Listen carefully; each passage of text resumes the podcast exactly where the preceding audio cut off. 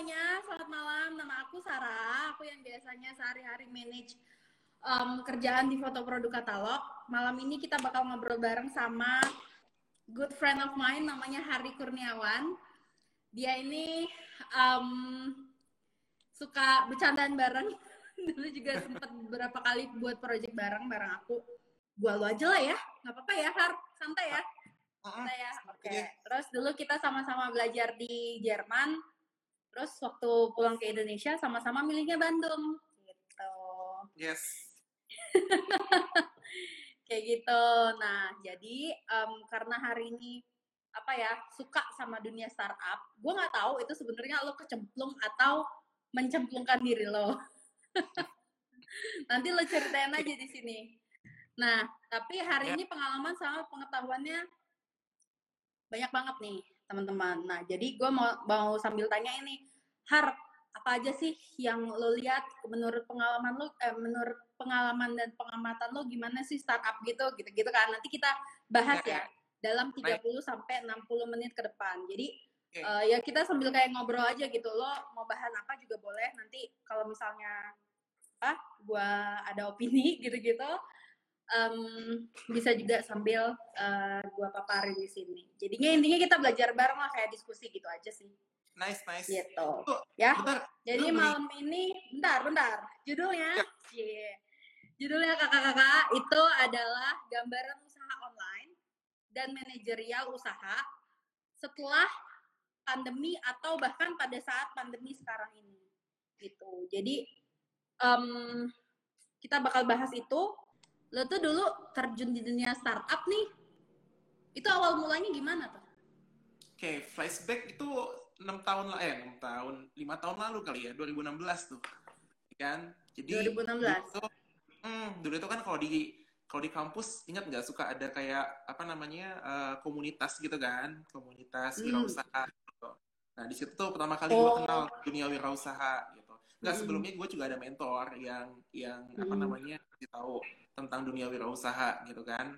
Nah, terus singkatnya ada komunitas di kampus, hmm. gue baru tahu tentang uh, apa digital startup lah gitu, yang berhubungan dengan teknologi. Nah, ada yang menarik nih lagi itu tuh Sarah gini, oh. dosen itu bilang gini, dulu itu uh, orang itu kalau mau kaya, dulu nih, itu cuman orang-orang keturunan darah biru. Kalau di kita sih mungkin bangsawan gitu ya. Jadi rakyat tuh kaya gitu. Nah, mulai revolusi industri itu zamannya siapa namanya mungkin berat sih bahasanya kayak kayak Henry Ford gitu kan. Itu orang Amerika punya tuh yang ya. bikin mobil tuh pertama kali. Nah itulah ya, dulu dari kuda ya kita ya. Kenapa? Dulu dari kuda. Yo dari kuda ya kan? dari nah, kuda ke mobil ceritanya si Henry Ford itu yang punya mobil Ford ya itu bikin mm -hmm. kendaraan jadilah orang terkaya saat itu. Nah istilahnya revolusi industri. Nah jadi orang-orang yang dulunya tuh rakyat tuh nggak bisa kaya sekarang bisa nih dimulai dengan revolusi industri.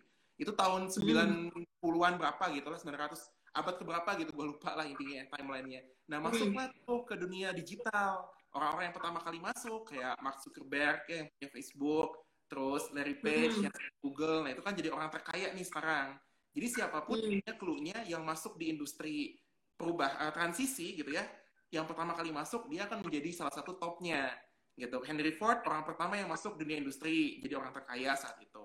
Masuk ke hmm. masuk ke orang pertama di era industri dari yang industri uh, apa? Era industri ke era digital gitu. Facebook, digital, benar. Gitu. Nah, habis itu sekarang kan Elon masuk nih dunia uh, automation, entah itu mobil listrik, hmm. entah itu AI, kecerdasan hmm. apa uh, buatan dan sebagainya. Jadilah sekarang hmm. Elon Musk orang terkaya gitu. Nah, cerita singkatnya lagi oh. itu dosen cerita kayak gitu So, um, lu harus bisa think of uh, apa namanya out of the box. Lu bisa lihat masa depan hmm. seperti apa. Lu bisa hmm. uh, forecast masa depan seperti apa. Ya, lu buat ide hmm. bisnis. Nah, tapi kan kalau misalkan teman-teman di sini kan, kayaknya teman-teman di sini wirausaha gitu kan, pasti mungkin ada sebagian hmm. udah pernah dengar kayak tentang uh, apa namanya siklus uh, bisnis gitu kan. Siklus bisnis itu kan hmm. ada yang sapi perah gitu kan ya hmm. uh, apa namanya bisa dicek di Google tuh namanya kalau nggak salah Boston Matrix gitu. Nah, ah uh, gitu. Tapi hmm. bisnis-bisnis yang kayak Elon Musk itu kan dulu bikin apa mobil listrik tahun 2002 belum ada tuh yang yang kepikiran ke sana gitu kan. Tapi setelah hmm. itu jadi gitu kan, baru uh, dia akan langsung melesat tuh kekayaannya istilahnya. Nah di situlah gue kayak tertarik, wah ternyata startup itu ya sepemahaman gue ya, uh, gue juga di sini belum terlalu banyak sih experience tapi ketika saat itu yang gue pahami semua orang sebenarnya bisa bisa klaim bisnisnya itu startup, startup itu fase gitu, fase dia di um, starting bisnisnya gitu, yang mana bisnisnya tuh belum belum bisa menghasilkan apa-apa gitu, masih masih dari nol ya. Dan, uh, dari nol dan juga uh. mulai uh, apa namanya dia berani uh, step pertama tuh untuk untuk eksekusi bisnisnya gitu kan. Uh, jadi itulah yang dimaksud dengan start art. Tapi karena sekarang kebanyakan ya digital, apalagi sekarang zamannya konten, zamannya apa ya uh, sosial media, jadi kan uh, semuanya dialokasi apa diistilahin sebagai digital gitu kan. Jadilah startup digital gitu, seperti itu. Oh, nah, awalnya gitu. kayak gitu tuh dari komunitas, dosen gue cerita begitu gitu kan, wah menarik nih gitu kan terpanggil lah ya mulai itu saat itu tuh senang dunia startup gitu oh oke okay. Terus udah gitu lo mulai terpanggil dari sih, mana enggak, cuman... mulai dari teknologi gitu juga apa enggak Ar. Iya, gue lagi tuh uh, nggak maksud nggak secanggih siapa ya, nggak secanggih uh, founder startup lain lah gitu. Gue saat itu mikirnya apa yang di Jerman lagi itu udah happening, uh, hmm. tapi belum ada di Indonesia. Nah, gue adopsi itu tuh kayak gitu. Hmm. Dulu itu uh, sempat bikin uh, tentang konsep cloud kitchen, gitu kan? Hmm. Kayak kayak apa sih uh, empowering uh, apa namanya ibu rumah tangga gitu memberdayakan ibu rumah tangga untuk bisa bikin hmm. dual kitchen gitu kan. Tapi hmm. obstacle-nya dan gue mulai paham nggak semudah itu untuk memulai uh, digital startup gitu kan.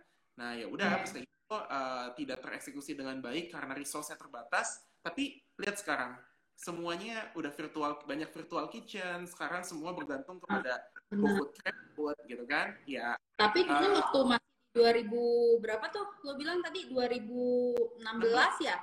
16. Hmm, Lagi 2016. Itu, itu perubahannya signifikan banget ya kalau kita bandingin sama yang sekarang ya. Padahal rentang waktunya masih terbilang sangat-sangat singkat gitu kan? Betul, betul. Jadi hmm. uh, sekarang itu pergeseran itu nggak nggak lama kayak zaman dulu. Maksudnya karena ada teknologi kan.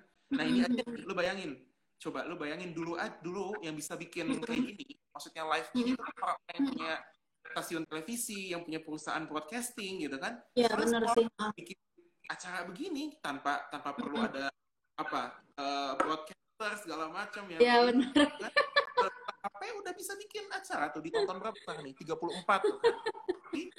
nah itu jadi iya lumayan uh, jadi uh, apa namanya uh, karena era digital gini tuh semuanya tuh serba cepat perubahan shiftingnya tuh cepat banget gitu. Behavior orang juga cepat cepat banget gitu. Nah apalagi untuk pelaku UMKM nih.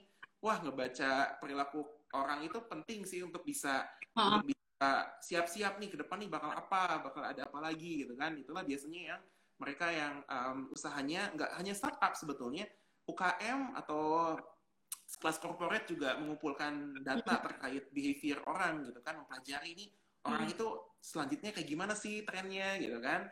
Nah di situ tuh hmm. biasanya ke sana jadi orang yang udah siap lebih awal dia akan dapetin grab market lebih gede gitu. Ibaratnya sih kalau ada kue gitu ya. Hmm. nah yang orang yang lebih awal bisa ngelihat kue itu tuh akan dapat porsi lebih banyak gitu. Pie-nya nah, lebih banyak itu, itu ya? Uh, pay lebih banyak. Di situ tuh artinya lebih ke arah uh, marketnya. Kalau ada 100 orang mungkin orang yang pertama kali ngelihat potensi 100 market itu hmm. bisa dapat 80 orang. Sisanya 20-nya mungkin lari ke kompetitor gitu. Karena kan biasanya kalau di UKM itu kalau yang pertama terbesar tercepat pokoknya track itu nggak boleh hilang kan gitu. Gitu ceritanya. Ini sama kayak benar benar. Gue juga setuju sama itu. Uh, uh, FPK kan termasuk masuk. Jangan ngomongin FPK, FPK masih cepat uh, gitu. Malu banget. okay. yeah, yeah. Nah, tadi kan lo banyak belajar tuh ya. I mean, berarti lo tuh udah bisa dibilang lima tahun atau bahkan sebelum itu udah belajar gitu ya di dunia wirausaha. Lo tuh dulu selain yang sama dosen lo yang di apa komunitas di kampus itu, hmm? lo punya inspirator lain gitu nggak sih kayak lo belajarnya dari mana aja sebenarnya gue kepo oh. aja ini mah okay, enggak. Sebenarnya ada sih apa namanya uh, ini salah satu apa namanya orang yang menginspirasi gue gitu kan ya. Saat itu untuk punya startup mm. ada sih. Cuman gue nggak bisa sebut namanya. Tapi kalau dipaksa ya boleh gitu. Oh tapi ada ya inspirator lain ada. selain dosen lo gitu kan. Kayak gue juga ada belajarnya kan ngelihatnya hmm, gue juga kan belajarnya ngelihatnya secara langsung maupun nggak langsung gitu kan. Tapi pasti ada gitu orang-orang yang uh, ngajarin kita tentang ngebukain mata kita tentang dunia usaha gitu kan. Atau paling nggak uh, apa ya ngasih sedikit-sedikit tentang ini loh icipin nih tren yang ini ini icipin nih tren yang ini kayak gitu kan. Gue juga dulu gitu sih.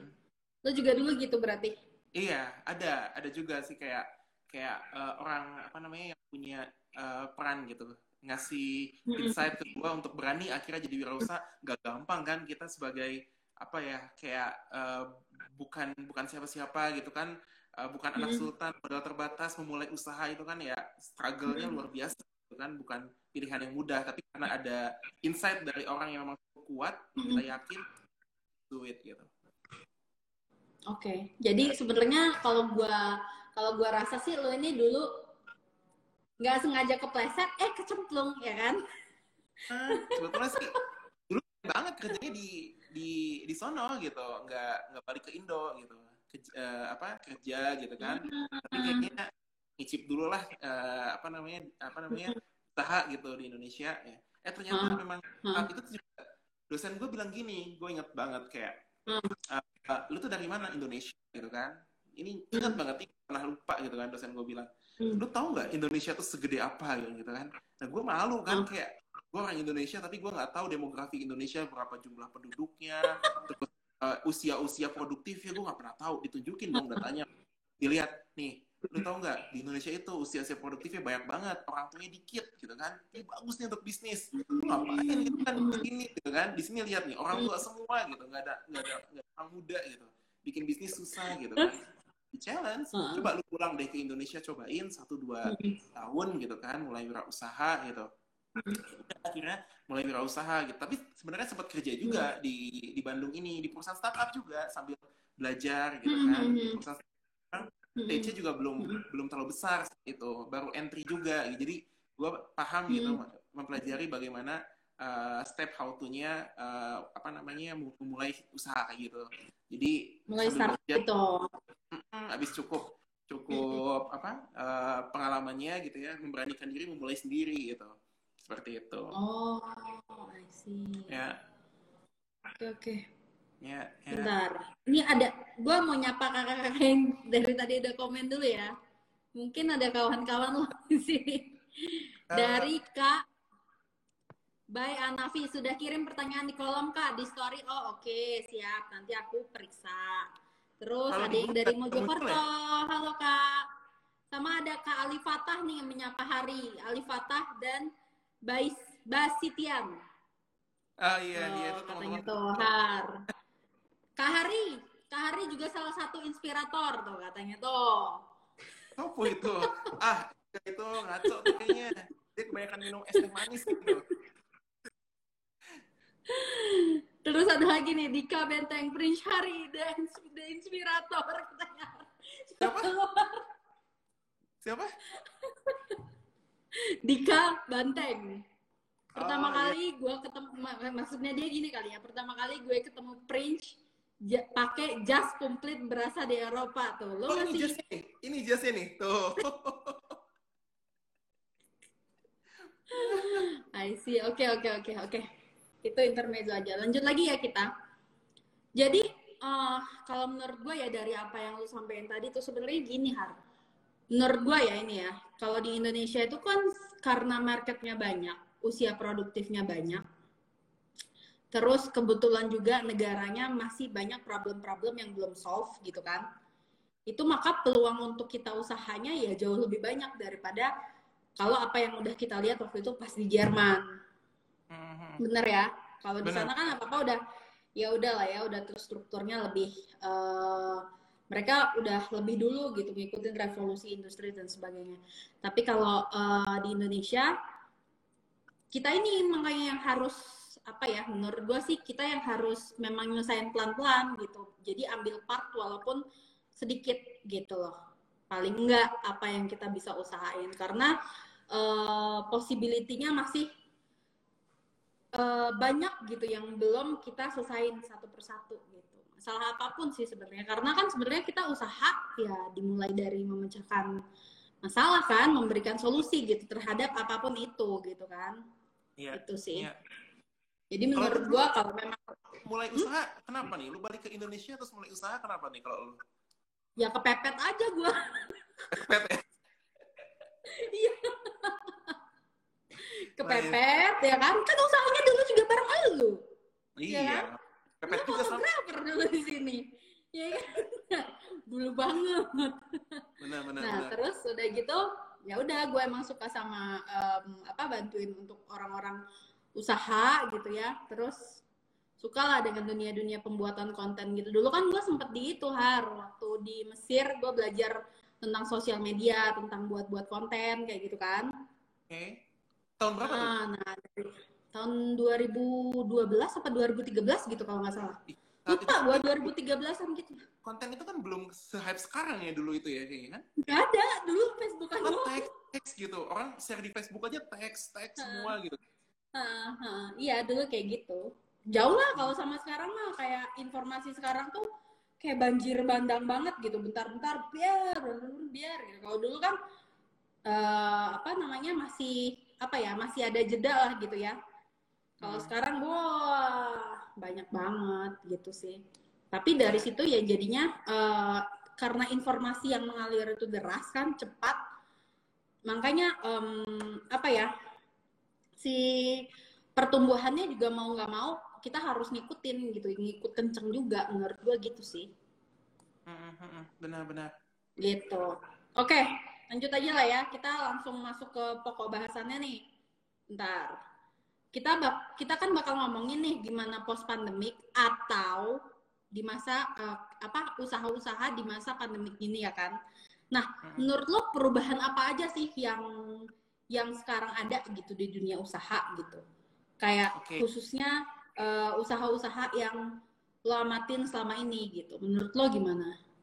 Ya, nah, um, gue memang uh, sejujurnya usaha gue tuh salah hmm. satu yang kena dampak gitu kan karena dampak pandemi mm. semuanya pelaku di sini juga kena dampak gitu mm. dan di sela-sela waktu mm. gue mempertimbangkan gitu ya kayaknya usaha gue ini uh, mm. lebih tepatnya di hold dulu gitu ibaratnya kayak freeze dulu mm. gitu lihat kondisi sampai mm. nanti lebih tepat karena keterbatasan uh, resources gitu kan nah sampai satu ketika gue memutuskan bikin suatu produk baru yang produknya itu sebenarnya feelingnya ini feeling. Itu kayaknya uh, market fit gitu cocok gitu. Tapi pakai masih pakai feeling hmm. belum ada datanya. Kenapa lu belum pakai data? Ya karena juga oh. saat itu enak banget pandemi gitu kan belum kelihatan behavior orang. Nah setelah bikin satu alat itu uh, karena memang uh, alatnya cukup apa namanya uh, cukup mahal gitu ya karena memang diproduksinya terbatas uh, ternyata itu hmm. juga menghambat uh, untuk apa namanya untuk bisa diserap sama market gitu nah di situ karena pun fokusnya sebenarnya bukan ke B2C tapi lebih ke arah B2B atau B2G gitu kan. Nah, tapi sekali lagi kesalahannya adalah tidak uh, apa ya, tidak mempelajari uh, kira-kira next setelah pandemi ini apa nih uh, perilaku orang gitu. Nah, sekarang nih, hmm. sekarang mungkin number pandemi itu makin tinggi, tapi ternyata hmm. jumlahnya makin tinggi. Ini mah uh, pendapat bukan bukan data, pendapat, tapi kayaknya uh, tingkat kepedulian orang terhadap COVID nggak nggak nggak mengikuti jumlah angka kenaikannya gitu. Nah sehingga produk yang dibuat saat itu jadi nggak relevan. Nah sekali lagi di sini gue mulai belajar banget gitu bahwa data itu penting banget. Artinya data itu adalah uh, mengumpulkan riset-riset gitu kayak kayak perilaku customer itu seperti apa seperti kayak baca marketing outlook yang gitu-gitu. Gue nggak pernah dulu interesting baca kayak gitu. Ngumpulin aja seneng ngumpulinnya tapi bacanya enggak gitu kan. Nah ini kan untuk perusahaan ternyata gitu kan. Gue kadang nih dapat begitu share aja ke orang tapi gue nya nggak baca gitu. Nggak baca full gitu. Nah mulai kerasa gitu kayak yang lu share ke gue lo baca nggak? Belum. Perlu udah baca kan nggak nggak sampai full gitu karena memang ah, kalau baca informasi yang gue hmm. yang gue kumpulkan itu dia salahnya itu adalah uh, apa namanya um, sekali lagi kita ngebaca data itu penting Jadi kalau misalkan hmm. itu post pandemi, misalkan abis pandemi ini gimana hmm. usaha gitu kan. Paling kalau hmm. pengusaha itu kan zaman dulu, kalau pengusaha zaman dulu pakai insting kan. Instingnya tuh makanya kuat-kuat. Opa-opa misalkan kayak Warren Buffett atau siapa pun ya pengusaha yang udah yang sudah sepuh gitu ya, itu pasti semuanya pakainya insting gitu kan. Karena saat itu belum ada data. Nah sekarang ini eranya data, habis itu pakai insting. Jadi data dulu gitu. Nah dari data itu kan biasanya sekarang pekerjaan paling dicari tuh data scientist kan data scientist hmm. tuh kayak ngolah-ngolah data gitu nah itulah kenapa gue baca marketing outlooknya belum sempurna karena um, apa namanya satu dua hal terkait uh, ilmu statistik juga dan juga uh, insting yang memang harus dipakai gitu untuk ngambil keputusan habis itu gitu nah kalau yang semua gue habis baca beberapa marketing outlook uh, memang yang sekarang istilah new normal itu bakal permanen kebanyakan prediksi gitu kan dari data. Kenapa?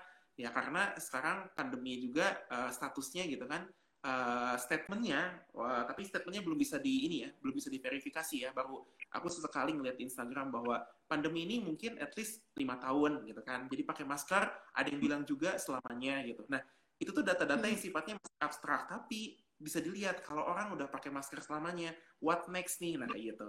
Nah, jadi uh, kemampuan baca yang kayak sendiri, gue hmm. sendiri dulu itu nggak hmm. terlalu aware, tapi sekarang makin aware dan makin senang gitu hmm. akhirnya baca-baca uh, yang seperti itu gitu kan. Itu yang pertama. Nah, yang kedua, abis post pandemi biasanya uh, apa namanya tren ekonomi ya makro ya. Sebenarnya gue nggak jago makro ya, belum belum pantas juga ngomong kayak gini. Tapi at least biasanya sesuatu kalau udah turun itu pasti naik gitu kan at the end pasti naik gitu. Kapan naiknya kita nggak tahu. Kan gitu. Roda itu Kapannya kan kita nggak tahu, tapi pasti ada circle-nya ya. Gitu.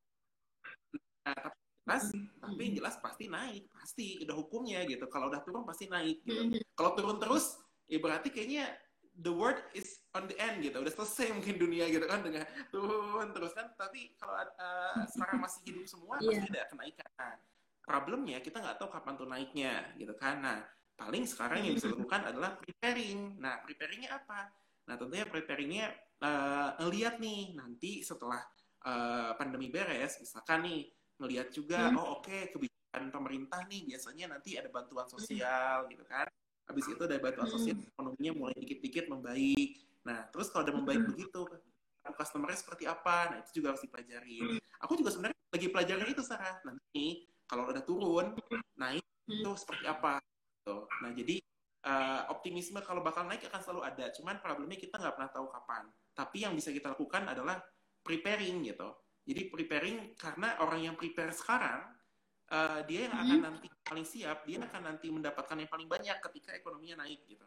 Tapi kalau misalkan uh, yang nggak prepare, ya dia akan dapat sisanya sama konsepnya kayak tadi, kayak pie uh, apa market gitu kan, seperti itu. Nah terakhir yang ketiga nih, sepemahaman gua, sekarang itu kan lagi ngetren orang beli saham, bener gak sih? Ah. Ya kan? Nah, uh, pernah baca gue di uh, apa tulisan gitu ya. Uh, kenapa sih orang-orang sekarang berbondong-bondong beli saham, terutama millennials gitu? Nah ini tuh hmm. kayak gak bisa diprediksi lah. Apakah ada orang yang tiba-tiba dapat uh, bisa ngeprediksiin bahwa tiba-tiba generasi millennials just beli saham semua gitu kan? Kan enggak kayak gitu. Hmm. Nah tapi ternyata ini tuh akibat dari uh, yang yang aku baca nih ya akibatnya eh, kenapa banyak yang beli saham? Yang pertama, banyak orang-orang yang kehilangan pekerjaan, dia punya uang tapi kehilangan pekerjaan dan dia melihat testimoni orang-orang uh, pada beli saham kemudian hmm. mendapatkan capital gain atau keuntungan. Nah, dia karena merasa tidak memiliki opsi lain hmm. ya, karena ke sana. Jadi ke sana gitu. Padahal dia nggak punya fundamentalnya. Nah, yang yang kasus seperti itu itu banyak drive, eh, di drive oleh itu tuh banyak gitu. Nah, itu kan kalau kita hmm. lihat uh, fenomena yang sifatnya juga kalau kita lari ke tren yang lain nih, katakanlah bukan saham, misalkan hmm. tren A gitu. Nah, hmm. si tren A ini kalau kita ready, kalau kita siap gitu kan, dan tahu bakal terjadi, ya after pandemi, setelah pandemi selesai, kita akan dapatkan sesuatu hal yang yang yang paling besar gitu. Nah, sekarang kan perusahaan-perusahaan hmm. kayak sekuritas gitu kan juga lagi kebanjiran nih gitu kan, kebanjiran permintaan hmm. pembelian saham, jual beli, trader dan sebagainya gitu. Nah, yeah, at the iya. end memang akan sih. Jadi apa tuh uh, sorry awareness masyarakat tentang uh, untuk financial planning gitu ya. Itu tuh jauh lebih meningkat sih pada saat pandemi gitu kan. Tapi industri yang berubah sebenarnya nggak cuma itu doang gitu menurut gua. Kayak hampir hampir semua industri mau nggak mau harus uh, apa ya adaptasi gitu lah ya. Jadi pasti ada Benar. perubahannya di, di dia kan walaupun perubahannya itu kadang ada yang naik kadang ada yang turun pada saat pandemi. Tapi gimana caranya kita keep up sama dunia yang apa yeah. namanya hmm, kita bisa let's say kita bisa bilang mau nggak mau harus berubah gitu ya. Uh, karena yeah. si dunianya juga udah shifting gitu kan.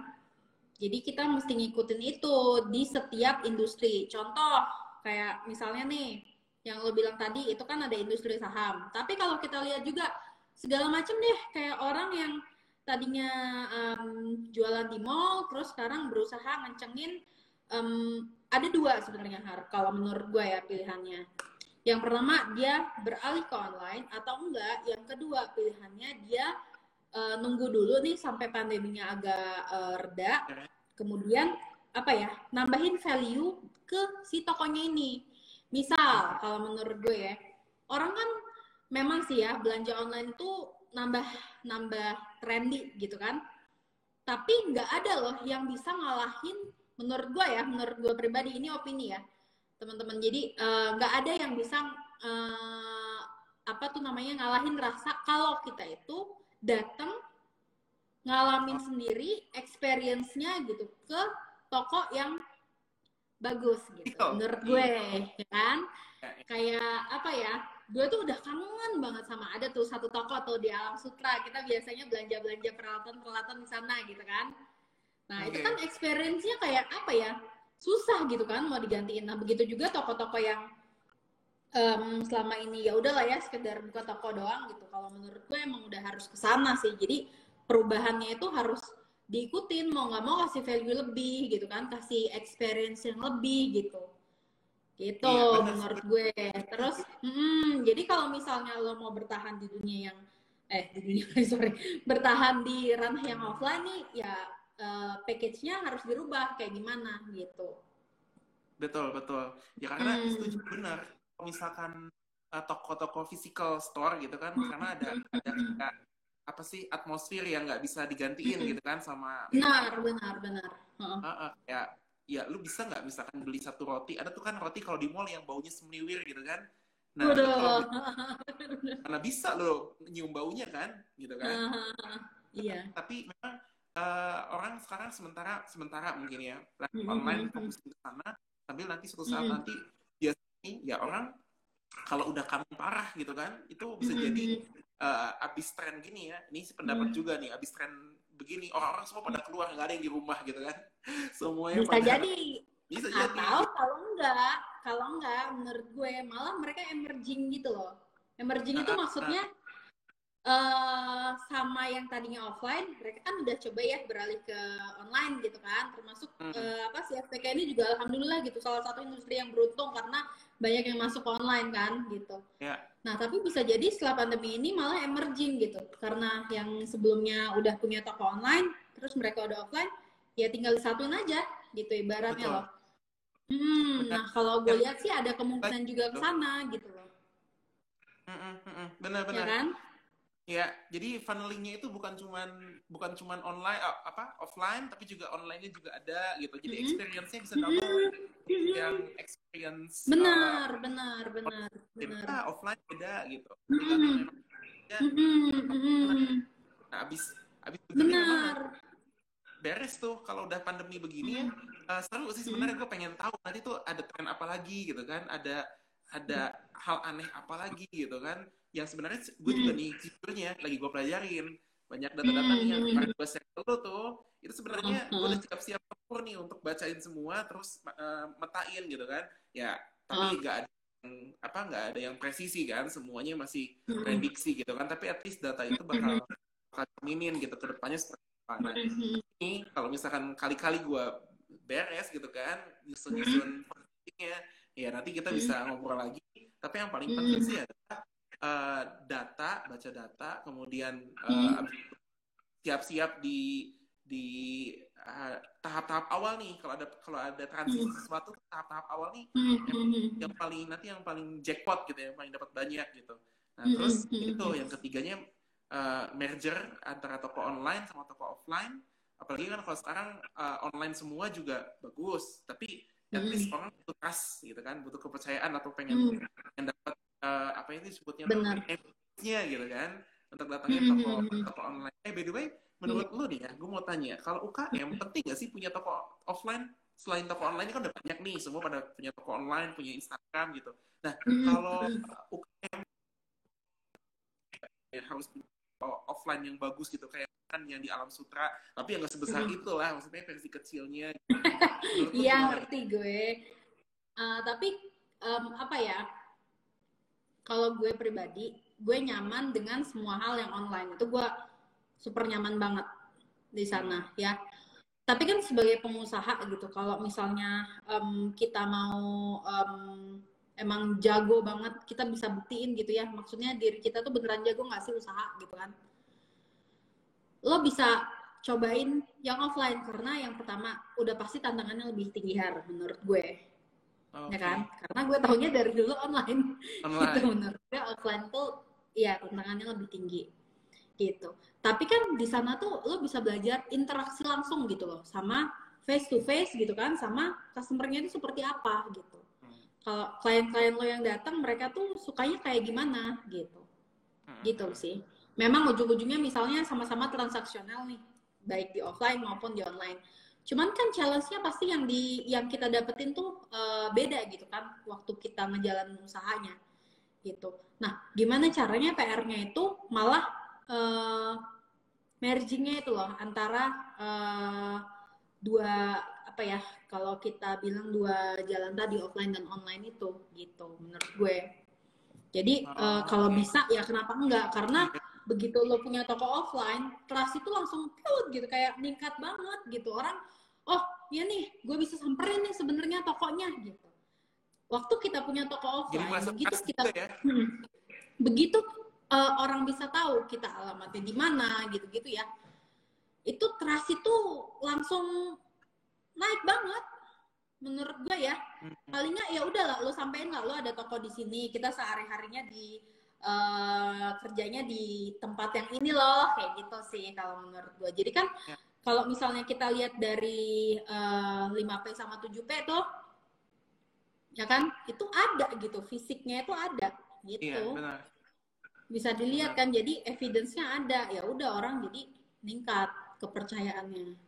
Belum lagi kalau misalnya kita bisa kasih experience yang bagus yang nggak bisa didapat kalau misalnya di online menurut gua kayak gitu kayak em, kalau dari apa kakak-kakak yang biasanya foto di FPK nih contohnya ya contoh mereka tuh brandnya banyak eh, banyak juga yang skincare ya kan Mm-mm. emang sih yang apa namanya yang ditawarin tuh produknya simple gitu kayak eh, facial wash, toner, day cream, night cream gitu kan.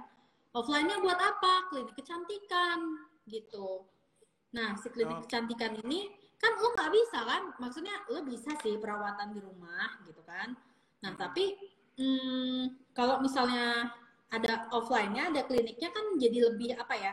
Kita bisa em, benar-benar ketemu sama klien tuh ngeliatin oh eh, misalnya si kliennya ada problem dengan kulit wajahnya gitu kan kita bisa kasih eh, kasih apa ya kasih solusi lah untuk dia secara langsung gitu ketemu langsung kan lebih nyaman ya kalau eh, ngobrol secara langs- langsung kayak gitu gitu tapi nggak menutup kemungkinan juga konsultasi dan sebagainya itu bisa di hmm, apa namanya dilakukan online nggak masalah juga kalau mau kayak gitu Hmm. Ya, ya, gitu. betul, betul, betul. Mm-mm. Jadi offline itu ningkatin trust, tapi tetap aja online masih tetap bisa dipakai gitu loh Har. Itu contohnya. Terus kan ada orang yang kalau misalnya nyobain baju, eh, dia suka yang milih pas milih-milih di store-nya itu loh, terus nyobain gitu kan masuk ke ruang apa namanya ruang Iya. ganti baju, cobain. Nah, itu gua, ah, gua salah satu orang yang belum move on dari situ.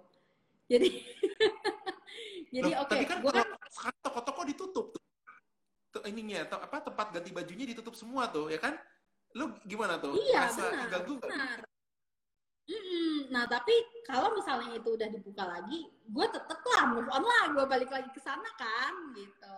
Nah, solusinya apa pada saat kita apa namanya uh, punya usaha yang kayak gitu tadi ya, misalnya ya.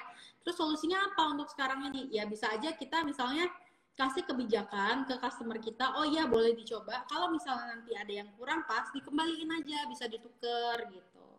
Bisa jadi hmm. unique selling point juga gitu loh menurut gue. Jadi um, apa pun yang menjadi hambatan uh, satu dua hal yang menjadi hambatan karena disebabkan karena pandemi sebenarnya kita bisa tweak itu jadi uh, malah jadi unique selling point kita malah jadi um, apa ya kita bilangnya ya bisa dibilang strategi kita untuk winning back the market gitu loh iya iya eh gue ya kan? Gue keingetan satu hal apa yang apa? yang di startup ini penting banget gitu ini juga baru gue baru gue apa ya baru gue rasain gitu ya ternyata ada yang hmm. ngebedain uh, bagaimana sebuah startup akhirnya bisa gede gitu ya uh, kayak hmm. misalkan uh, jasa transportasi online kemudian marketplace itu kan udah gede-gede ya. Nah terus uh, UKM juga pertanyaannya gimana sih caranya supaya UKM juga bisa bertumbuh cepat gitu? Ini kemarin baru baru beberapa hari lalu gue baru dapat informasinya gitu ngobrol sama salah satu praktisi juga gitu. Dia bilang bahwa perusahaan-perusahaan startup itu memang punya fokus uh, punya semacam mengumpulkan data gitu kan database. Kayak semacam email nama nomor HP gitu kan ya. Sehingga mereka kalau ada apa-apa tuh uh, bisa apa ya bisa kayak semacam uh, punya channel gitu loh untuk ngasih tahu ke orang gitu.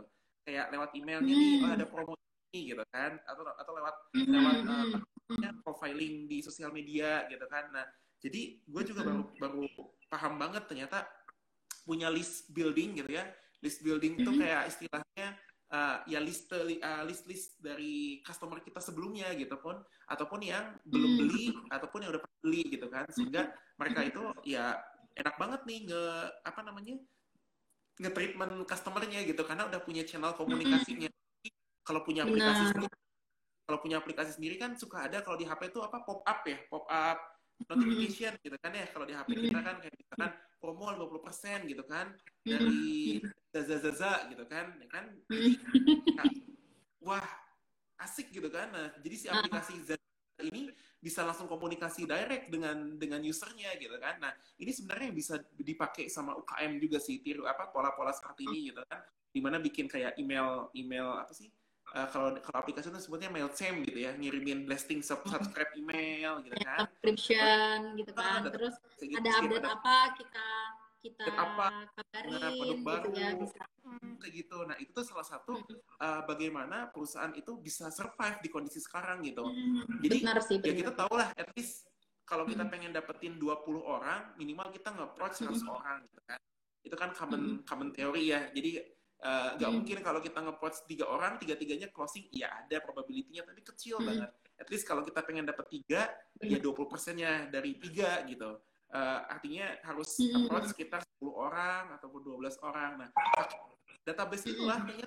untuk bisa berkomunikasi intinya kita sebagai brand juga harus bisa komunikasi dengan market nah itu sejujurnya itu adalah kesalahan gue juga dulu tidak tidak meng apa ya tidak mengoptimiskan gitu uh, kepemilikan uh, informasi itu ya walaupun ya tentunya kita mendapatkan data itu dengan dengan cara yang benar gitu kan bahwa uh, customer pun memberikan data emailnya atau data nomor HP-nya ke kita karena memang uh, mereka sudah setuju gitu bukan mencuri data gitu kan. Konteksnya kan jadi kadang kalau kita dapat email nggak pernah kayak nggak pernah subscribe apa-apa gitu kan bete juga kan malah nggak boro-boro yeah. dibaca ya kita langsung di uh, buang gitu kan. Nah jadi memang pola organik itu yeah, exactly. kalau menggunakan database itu paling jangan beli data atau jangan beli email atau misalkan uh, jangan beli nomor HP hmm. gitu maksudnya uh, data-data nomor HP hmm. orang kemudian kita ngeblasting karena kalau hmm. kita belum pernah berinteraksi itu pasti orang juga apatis gitu ini apaan sih dihapus boro-boro dapat reaksi yang penting yang malah jadi hmm. jadi dapat bad reputation gitu nah itu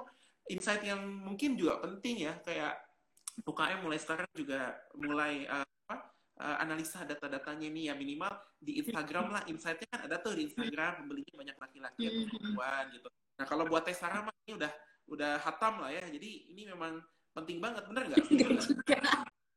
Iya itu penting banget. Apalagi kalau misalnya gini ya kita mau ada perubahan apa kan uh, sebenarnya kalau menurut gue ya data itu banyak banget fungsinya har. Jadi tergantung lo mau ngolahnya itu kayak apa gitu kan. Tergantung kita butuhnya di mana.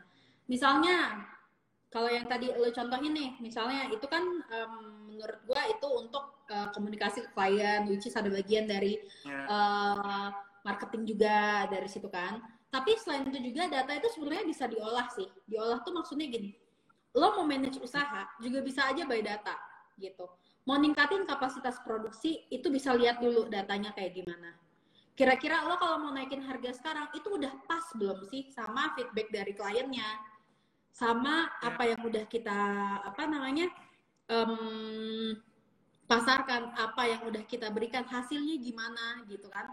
Kalau misalnya um, apa hasilnya ternyata kurang bagus tapi lo pada saat itu juga mau ningkatin harga gitu misalnya. Itu kan uh, apa ya malah uh, menurut gue ya bakal menyakiti si perusahaannya ini gitu loh hurting hurting the company gitu. Tapi kalau kita punya datanya oh iya ini uh, ini apa ya produk yang ini tuh layanan yang ini misalnya kalau di kalau di uh, FPK ya. Contohnya layanan kreatif desk gitu ya ini gue buka-bukaan aja lah. Dia hmm. value-nya semakin lama semakin bagus gitu kan. Apa yang kita kasih ke klien itu gue bisa bandingin dari hasil yang dulu tahun 2017 gimana 2018 gimana 2019 gimana 2020 gimana terus udah gitu antusiasme kliennya gimana? Berapa banyak sih klien yang baru yang mesen si produk itu gitu? Itu tuh sebenarnya gue hitung juga ada hitungannya semua ada datanya semua. Dari situ makanya kita bisa ambil keputusan oh iya berarti ini nih saatnya misalnya kita um, agak nge-tweak sedikit nih karena mau ada hal lain yang kita penuhin gitu kan? Jadi strateginya ya berdasarkan data itu. Gitu loh. Jadi move-nya ternyata setelah dicobain satu dua uh, satu bulan ini gitu ya berjalan di Januari eh benar. Gue apa namanya uh, gue sama Bang Dano coba ini coba ya. Karena uh, kita membuat keputusan gitu kan ngobrol dulu sih sama bang Dano. Uh, kita membuat keputusan gimana kalau misalnya yang pricing ini sedikit dinaikin gitu. Karena kan harus laporan uh, apa ya kita bilangnya ada laporan pajak terus udah gitu juga kan. Hmm. kalau misalnya apa uh, karyawan skillnya nambah nggak mungkin dong kita nggak tambahin uh, apa namanya apa yang kita bayarkan gitu kan. Kan gitu kan sebagai pengusaha. Jadi harus berimbang dong harus win-win semua. Tapi ini pas nggak nih di market gitu. Nah ternyata gue kira bakal turun tuh har waduh udah deg-degan aja gue kan. Waduh kayaknya nggak laku dah ini apa gimana gitu. Eh ternyata ya orang biasa aja gitu bisa bisa nerima gitu karena dia mereka juga kayak ngelihat gitu perubahan sangat-sangat signifikannya yang dibandingkan dengan dulu harganya masih sama, sekarang harganya beda walaupun sedikit, tapi value yang dikasih lebih besar gitu. Dan gue ngambil keputusan itu pun berdasarkan data, gitu. Nice. Benar yang lo bilang. Jadi data itu, hmm, hmm, jadi data itu memang benar. Uh, apa ya? Paling enak tuh ngambil keputusan dari data, gitu. Dan data itu nggak melulu uh, digunakan hanya untuk um, apa ya? Jualan ke klien, jualan ke klien itu enggak, oh. karena keputusan keputusan yang gue ambil di di usaha yang foto produk katalog ini atau usaha-usaha lain gitu lah ya yaitu berdasarkan angka semuanya lebih enak gitu kalau yang misalnya ngomong itu ya angka angka dulu baru analisa benar kan Betul. daripada analisa dulu baru, baru data oh benar benar sih gitu. Jadi gue juga kebentuknya uh, yang lo bilang tadi insting ya insting ada ya karena kan emang udah dari dulu gitu kan apa namanya uh, usaha gitu kan. Sebenarnya tuh ada insting gua ngomong duluan gitu eh kayaknya yang ini perlu dirubah deh eh kayaknya ini perlu dirubah deh. Itu tuh ada duluan gitu. Cuman untuk provingnya gue nggak akan ambil keputusan kalau misalnya itu belum ada datanya nah betul. Benar benar. Benar.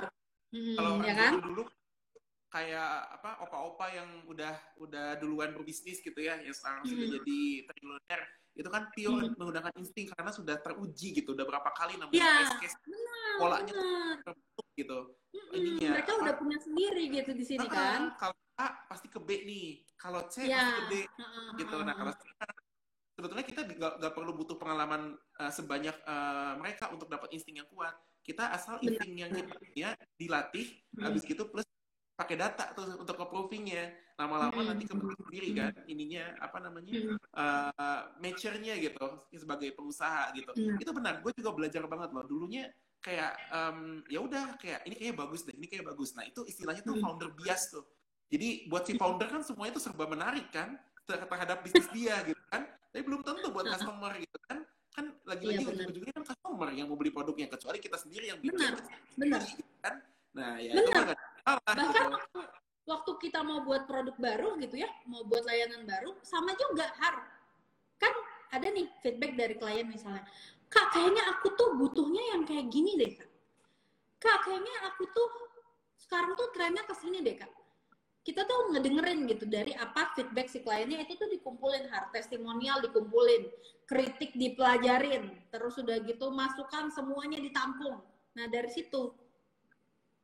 Hmm. sama sama gitu. Dan itu sebenarnya udah mulai dilakuin dari sebelum pandemi. Cuman waktu pandemi itu bener-bener ya ampun bener-bener kayak wah itu tuh double the effort banget lah. Apa-apa tuh memang ya tahu sendiri lah ya. Lo juga pasti kayak gitu kan. Double every semua effort kita doublein gitu. Makanya semua kritik kita benar-benar apa ya gali banget kayak gitu. Semua ya. masukan kita benar-benar pelajarin kayak gitu. Terus sudah gitu semua testimonial ya kita juga jadi kayak apa ya benar-benar appreciate jadi malah semangat semangat banget lagi gitu. Cuman ya. yang paling penting itu dari kritik sama masukan ini sih itu juga dikumpulin data dari kritik dan masukan. Maksudnya data itu emang enak kalau misalnya ada angka. Cuman yang kritik masukan itu kalau buat gua itu data juga. Karena gini, misal ya ada orang ada orang komplain ke kita. Yang komplain itu cuma satu gitu, ya kan? Tapi sebenarnya kalau udah ada yang komplain satu, berarti itu juga sebenarnya ada orang yang komplain tapi dia nggak ngomong. Either dia um, either dia ya males aja gitu ngutarainnya kan. Ya udahlah yeah. bisnis gue gitu kan. Ya udah berarti kalau lu kasih layanan gue jelek kasih layanan jelek ke gue berarti bisnis lu jelek kayak gitu aja gitu kan. Jadi benar-benar waktu ada satu satu atau dua orang aja yang mm, kasih masukan tuh itu tuh benar-benar kayak bisa merubah the whole system yang kita punya di produksi yang selama bertahun-tahun udah kita buat.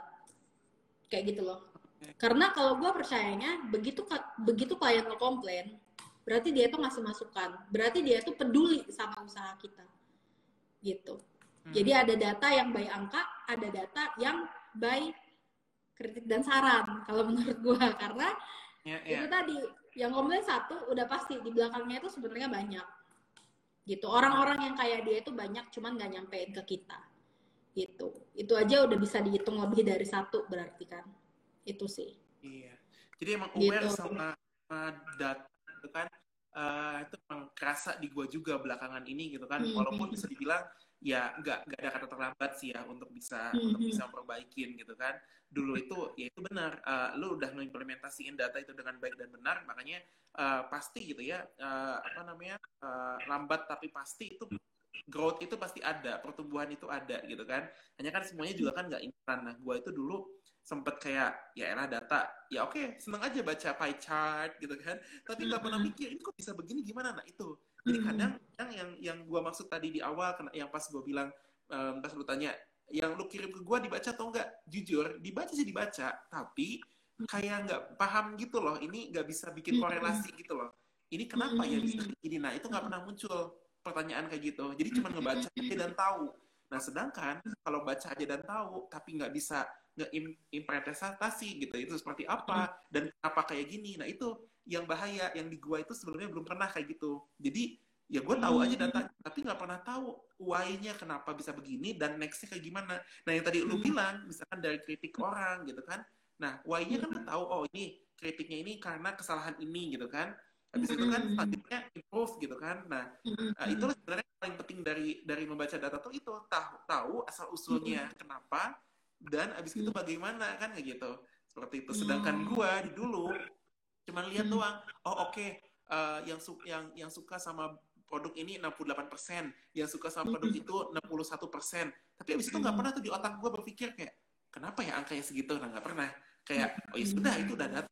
Padahal intinya tuh sebenarnya abis itu lu bertanya kenapa abis itu lu pelajari tuh oh ternyata karena ini karena itu gitu kan sama kayak kritika dari customer gitu kan kenapa customer hmm. bisa mengkritik itu oh karena uh, prosesnya ada yang salah di sini kalau satu hmm. orang ada kemungkinan kan ada yang nggak bilang juga gitu kan punya komplain yang sama nah tapi pertanyaan gue nih dari pengalaman lu gue hmm. pengen banget tahu gimana caranya lu ngebedain komentar orang eh kritik kritik customer yang mana hmm. yang sifat memang kritik beneran atau hmm. ada kritik yang dibuat untuk menjatuhkan nah itu gue sering tuh nemu nemu hal kayak gitu nggak bisa ngebedain ini kritik beneran kritik hmm. yang membangun atau yang sifatnya kayak menjatuhkan nih contohnya aja ini bukan pengalaman gue pribadi kalau gue belanja di Tokopedia misalkan ya atau di marketplace hmm. apa pun uh, eh, gue oh. suka tuh ada komentar-komentar yang lo ini komentarnya tuh kok kayak cenderung bukan komentar sesuatu yang kayak gimana ya lo ngerti lah maksudnya seharusnya ya yang seharusnya gitu kayak menjatuhkan gitu nah sebagai pemilik produk lu punya respon nggak gimana sama respon kayak gitu? Karena gue sendiri belum belum dapet nih kayak bagaimana harusnya bersikap kalau, gitu.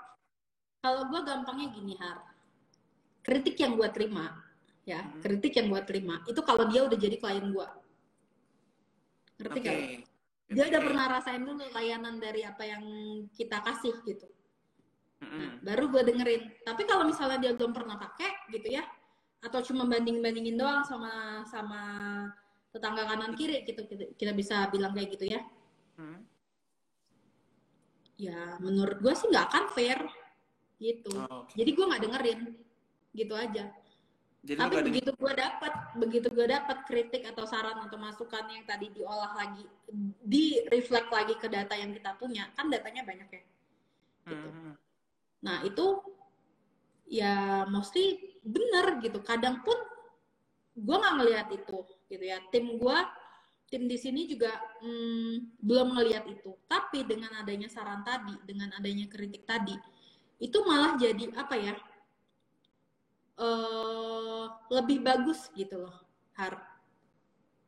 Jadi kita lebih bisa belajar untuk memperbaiki struktur manajerial di dalamnya.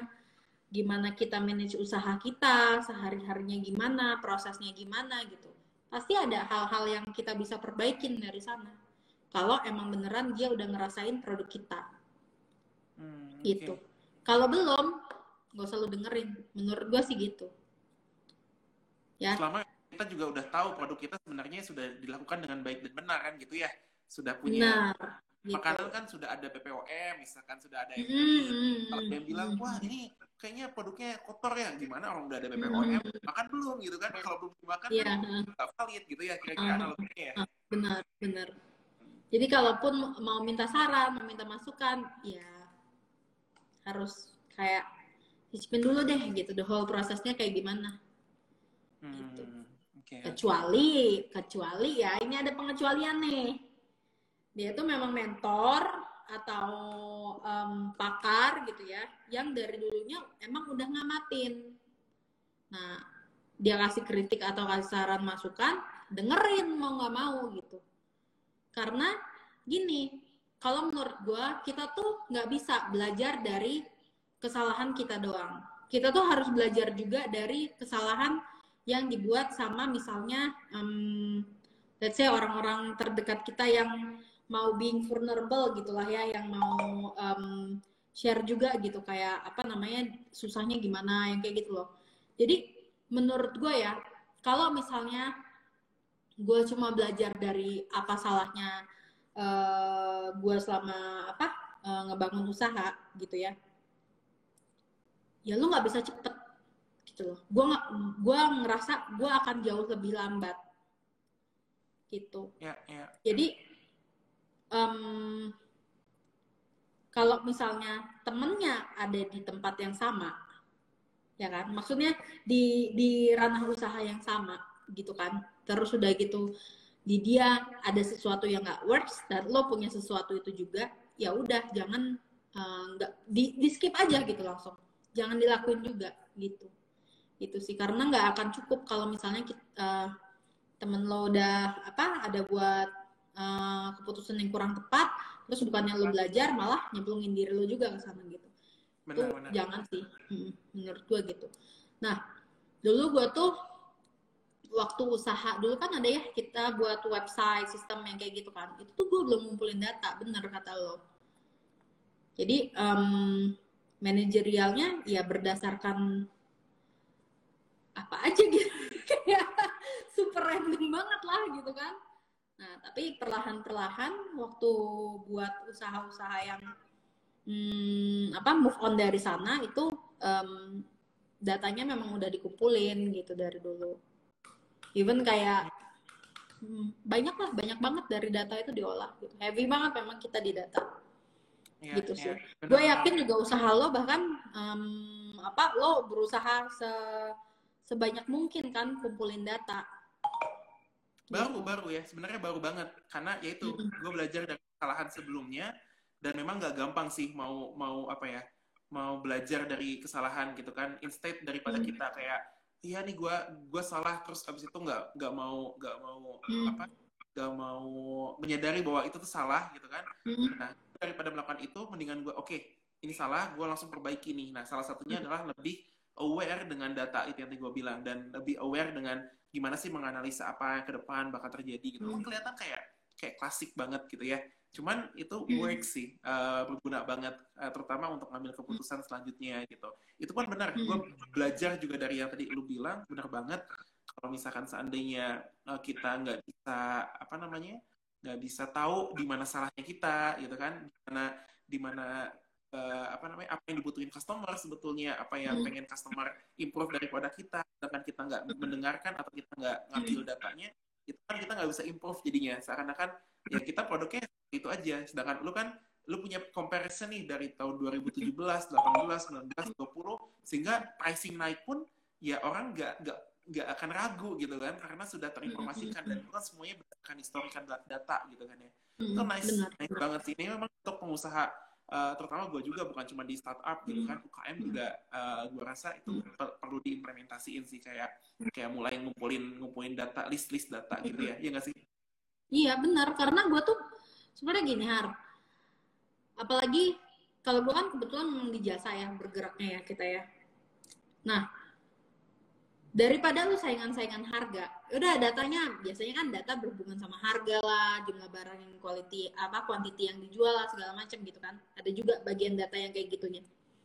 Tapi daripada nanti ujung-ujungnya saingannya di harga mendingan saingannya di value gitu. nah betul. Blue ya ocean kan? ya ya mainan di nah, apa kolam, kolam beda gitu kan. Mm, value apa sih yang bisa kita kasih gitu ke ke klien kita gitu apa sih yang sebenarnya klien kita butuh itu bisa dari sana nah sorry manage usaha pun pada saat pandemi kalau misalnya kita bisa baca itu bisa baca data itu tadi dan mensinkronisasikannya menurut gue bakal lebih mudah sih gitu even saat pandemi memang memang challenge-nya jauh lebih banyak. Cuman apa ya? Kayak nggak mungkin enggak gitu. Either pasti ketemu opsi lain untuk pivot, ya kan? Atau enggak ya um, bertahan tapi tetap ada adaptasinya. Kalau pivot kan kayak pivot agak jauh ya gitu ya. Apa ya? E, kayak banting setir gitu lah ya. Tapi berdasarkan data yang udah ada gitu atau enggak ya tetap di tujuan yang ah di apa namanya kendaraan yang sama kapal yang sama gitu maksudnya tapi ya ganti aja gitu lo perlu apa gitu. Adaptasi aja kita perlunya gimana. Kayak gitu sih menurut gua. Hmm, jadi uh, usaha online yang dari offline ke online banyak ya. Usahanya usaha online jadi semakin banyak. Sebenarnya itu bisa dilihat dari dua sisi. Untuk yang usahanya udah online dari dulu, berarti satu lebih banyak challenge karena lebih banyak saingan ya kan. Hmm. Tapi kalau lu lihat lagi sebenarnya marketnya juga lebih banyak har. Oke. Okay. Ya kan? Bener kan? Hmm. Maksudnya market itu orang-orang yang belanja online juga lebih, lebih banyak gitu. Jadi perkembangan usaha online-nya itu secara overall memang meningkat. Menurut gue sih kayak gitu nggak masalah banyak saingan nggak masalah banyak uh, apa namanya toko-toko online baru yang buka gitu it's okay kok karena kan marketnya ada gitu. Marketnya nambah juga gitu kan? Jadi kita saingannya tetap sehat gitu. Ya hmm. itu menurut gue tuh gambaran usaha online sekarang. Terus untuk manage-nya gimana sih? Manage usaha um, pada saat pandemi atau nanti setelah pandemi gitu ya? Yang kayak lo bilang tadi waktu di awal. New normal yang sekarang itu kan bisa jadi bakal jadi permanen. Jadi kayak gini loh kalau gue lihat ya banyak juga um, usaha-usaha uh, klien-kliennya FPK di sini yang dia jadi kayak oke okay, um, sebagian besar karyawannya bisa WFH deh gitu ya kan. Kayak yang bagian entah bagian desainnya entah bagian misalnya um, product developmentnya kayak gitu loh. Ada ada sebagian yang bisa di WFH kan gitu. Itu bakal jadi uh, new normal yang kemungkinan bisa jadi permanen gitu menurut gue ya. Men, dari sisi dari sisi kita sebagai apa ya sebagai yang ngusahain gitulah ya ya memang harus dijalanin. Gimana dong? Ya kan? Memang harus dijalanin. Manajerialnya pasti berubah. Pasti berubah ngikutin uh, ngikutin industrinya. Eh sorry bukan. Ngikutin gimana lo mandang industrinya gitu. Hmm, hmm, hmm, jadi nggak melulu harus ngikutin uh, misalnya nih yang lain-lain uh, apa ya? Contoh dulu ya kalau kemarin-kemarin tuh pada buat hand sanitizer pada buat masker gitu. Tapi sebenarnya nggak melulu nggak melulu uh, ke arah sana gitu loh. Tapi ya lo harus percaya aja dengan data yang lo udah punya lo bisa tweak itu jadi apa gitu dia ini akan uh, menghasilkan ide-ide baru bibit-bibit ide itu ke mana gitu. Nah dari situ dipelajarin. Jadi nggak semuanya harus ngikutin tren yang kalau pandemi ya harus kayak gini kita ke sana semua gitu. Nggak juga gitu sih menurut gua. Gitu. Okay. Manajerial dalam tim usahanya pun uh, apa ya bisa disesuaikan lagi sih. Hmm, hmm, hmm. Ya, ya. ya kan? Nah, apa?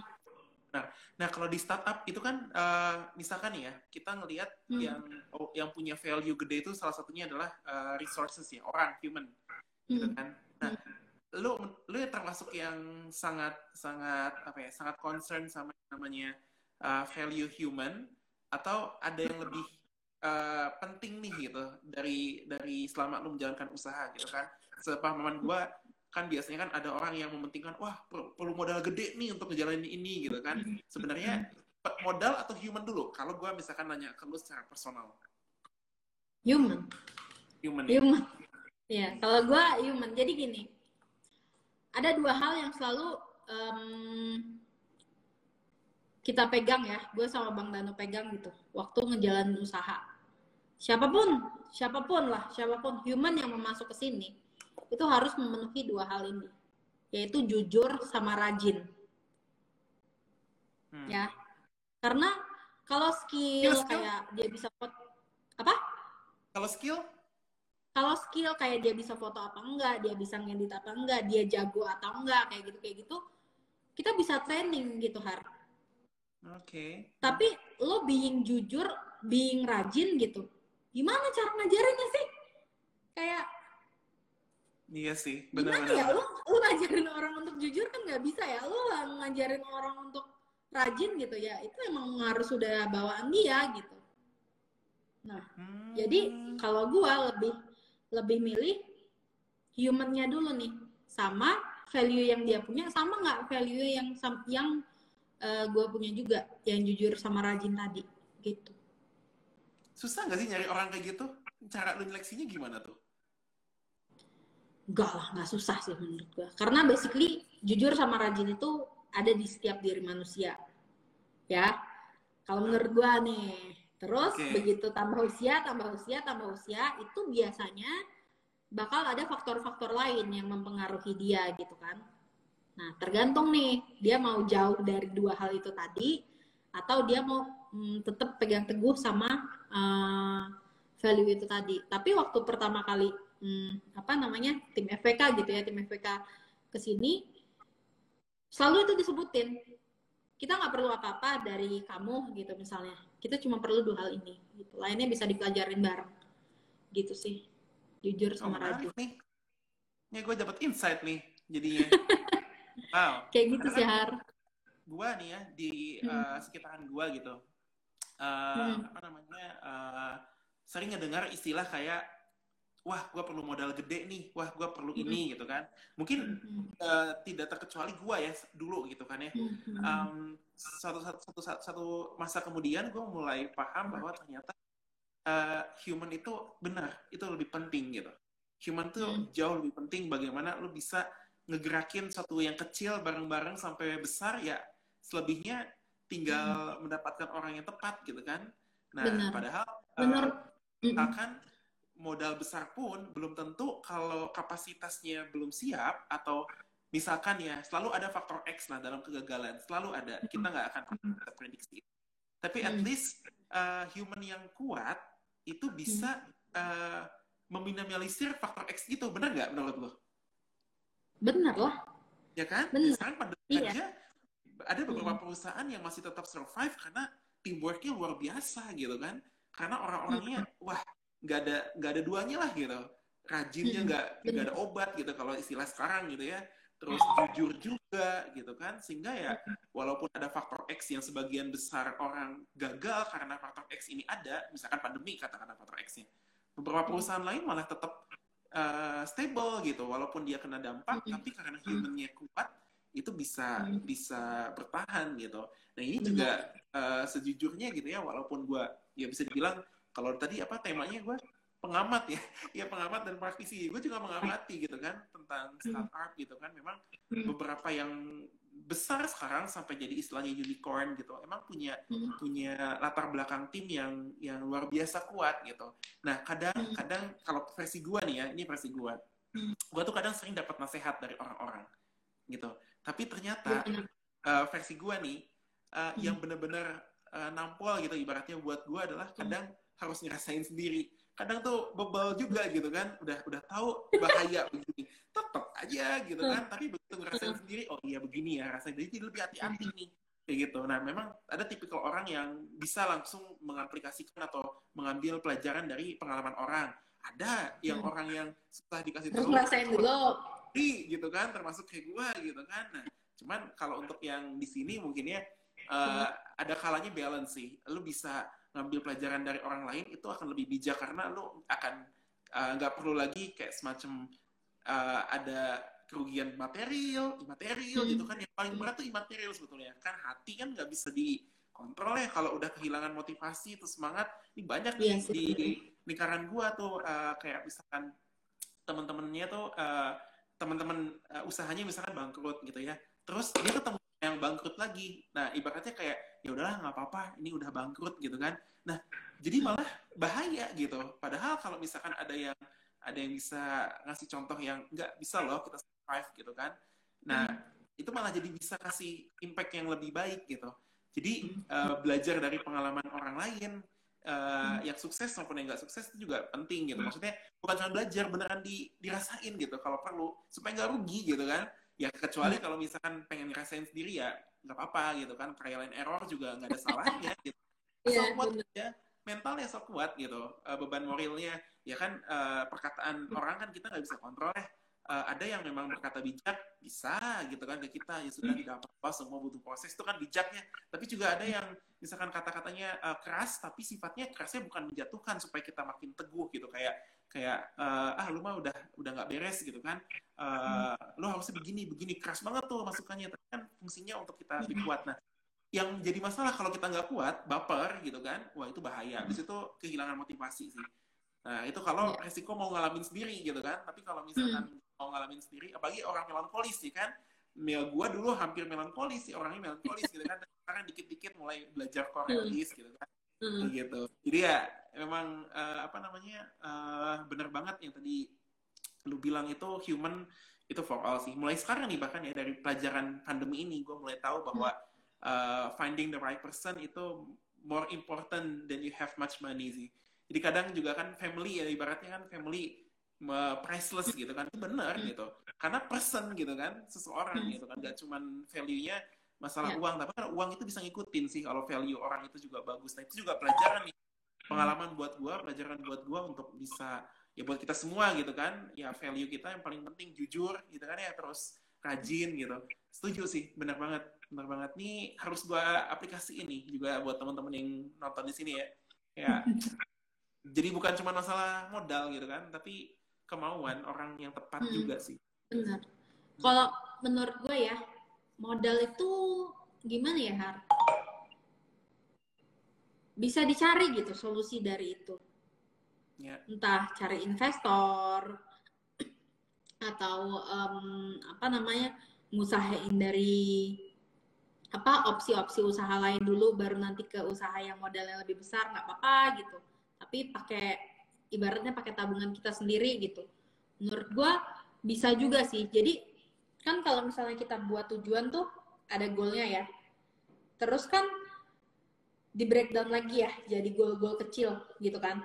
Misal misalnya kita mau ke Bali. Yang pertama kita mau apa?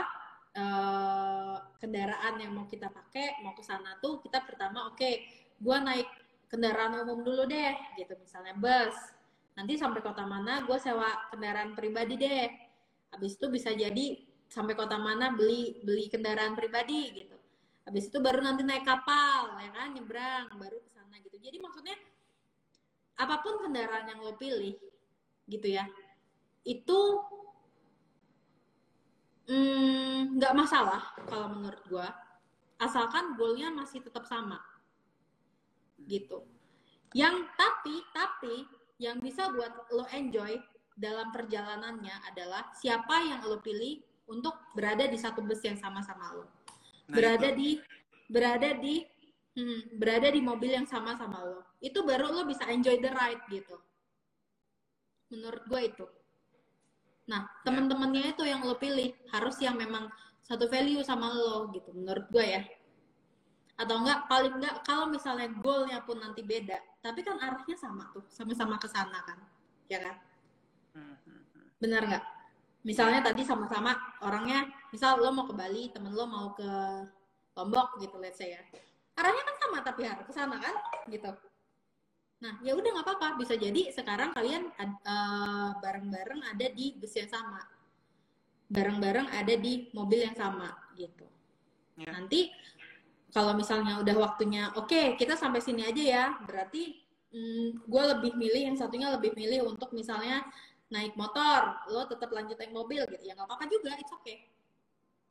Kayak gitu sih menurut gue. Jadi ya, ya. waktu lo milih human itu juga apa ya? harus mikirin win-winnya gitu loh goal dia tuh sebenarnya apa gitu karena kalau misalnya hmm, kita cuma mikirin kitanya aja gitu ya. Apa yang dikerjain itu sama sama kitanya sama tim kita nggak bakal sinkron. Susah untuk sinkron tuh. Kan ada tuh kalau misalnya kita baca bukunya si Robert Kiyosaki ada yang being dependent independent terus interdependent kan. Yeah. gitu. Kalau misalnya yang dipilih udah sama-sama independen enak kalau masih independen ya udah ajarin dulu jadi independen ya gitu. Kayak gitu. Tapi ya itu value nya tadi kalau gue dulu uh, jujur sama rajin duluan. Itu jujur sih sama, eh tadi nggak? Yang mm -hmm. gue dari lo lo bilang pada dasarnya semua orang tuh ada jujur dan rajinnya gitu. Kan tadi bilang seperti itu. Nah uh, ini ini pengalaman lu coba uh, sharing ke ke kita nih. Gimana taunya eh, maksudnya gimana naikin yang tadinya misalkan nih orang tersebut sebenarnya jujur, tapi karena satu dua hal keterdesakan sehingga dia uh, berkurang nih level jujurnya gitu kan. Nah, gimana supaya lu bisa menyadarkan mereka untuk jujur lagi atau enggak untuk mau kerja keras lagi gitu. Emang ada treatmentnya? Jadi sebenarnya tuh gini Har.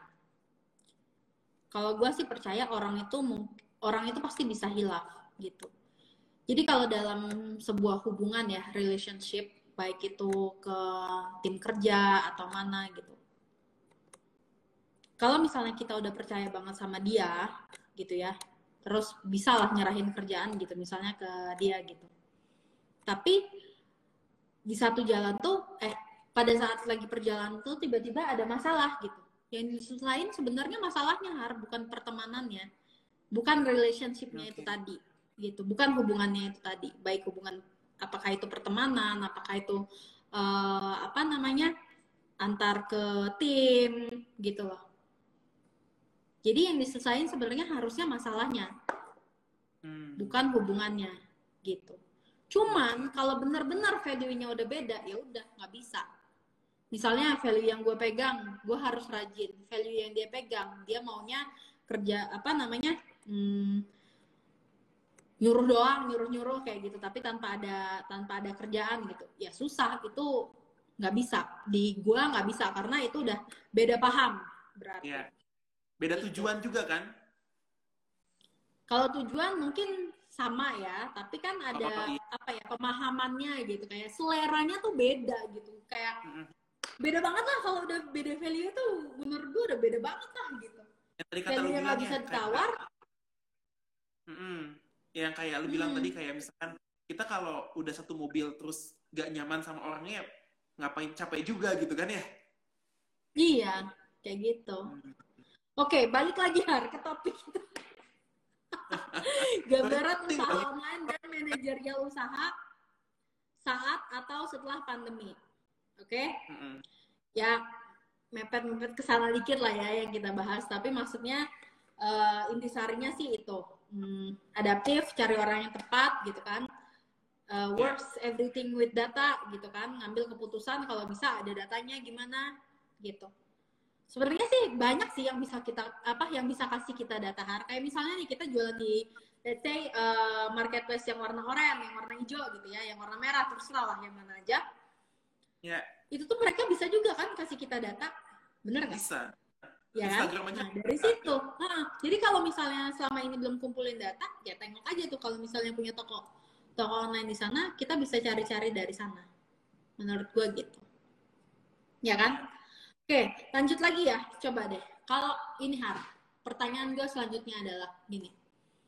Kan kita ini nggak bisa terus-terusan kayak eh, yaudah deh waktunya sekarang kan lagi corona jadi kita survive aja dulu deh. Survive survive survive gitu kan tapi menurut gue ya di 2021 ini gitu kan itu saatnya kita tuh harus lari lagi gitu Fight Kayak- back ya.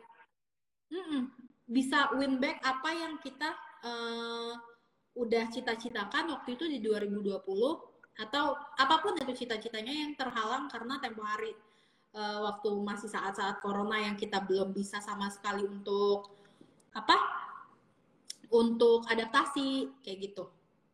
Mm-mm. ya kan? Kalau sekarang kan udah bisa nih ya kan? Udah bisa eh, adaptasinya gimana terus udah gitu eh, protokol kesehatannya kita udah bisa apa ya udah jadi mm, kebiasaan gitu kan? Nah itu kan udah udah udah jadi kebiasaan tuh. Yang dulu kita nggak bisa sekarang udah bisa. Skillnya udah punya gitu kan? Hmm. yang pakai masker apa segala macam kayak gitu. Kita udah terbiasa gitu dengan itu terus udah gitu kita juga udah dikasih waktu banyak gitu ya untuk uh, nyoba survive gitu. Nah pertanyaannya adalah gimana sih caranya sekarang tuh lari lagi gitu, kayak win back lagi. Menurut lo gimana Har? Ini ini pendapat ya, pendapat dari Mm. pengalaman pengalaman gue juga gitu kan. Hmm. Mostly memang pengalaman eh, apa namanya eh, gagal dan pengalaman berhasil. Coba gue gabungin. Intinya sih eh, kan di setiap fase kita ya, kita kita nggak ngomong secara pandeminya dulu gitu kan. Di fasenya Hmm. pribadi kita juga kan ada nih masa-masa kita terpuruk misalkan, ya kan? Nah, d- dari dari ini dulu aja, dari circle kecil dulu, untuk uh, kitanya dulu, Hmm. kita kan pasti. Hmm. Nah, kalau gue dulu, gue inget banget pada saat gue terpuruk, ya, Hmm. uh, zaman dulu kuliah tuh, kan kita kuliah susah banget kan di sana sampai sampai wah gila-gilaan lah gitu. Nah, Iya itu kan ada momen kita fight back nih, kayak Hmm. nggak bisa nih gue gue nyerah terus sama kondisi gini. Nggak bisa gue gak, gak mau kalah gitu kan. Ya udah Hmm. saat itu biasanya kalau versi gue adalah gue kembali ke tujuan gue kenapa saat itu misalkan kuliah gitu. Hmm. oke gue pengen ini pengen ini pengen ini. Nah kepengennya itu tuh dimunculin lagi. Oh ini gue harus dapat ini nih. Jadi dorongan itu mau sesulit apa pun kejar gitu. Gak, gak takut gitu. Ya udah gitu. Nah Lihat lagi goalnya, lihat lagi goalnya gitu kan. Sebenarnya Nah. lo pengennya apa gitu kan? Hmm, Terus Ah, kayak gitu. Selama memang goal yang kita pe- pegang itu ya memang eh, bermanfaat gitu. Kan kita juga bukan bukan pengen jadi Robin Hood ya, mengambil kekayaan orang terus kita bagiin ke orang kecil gitu kan enggak gitu kan.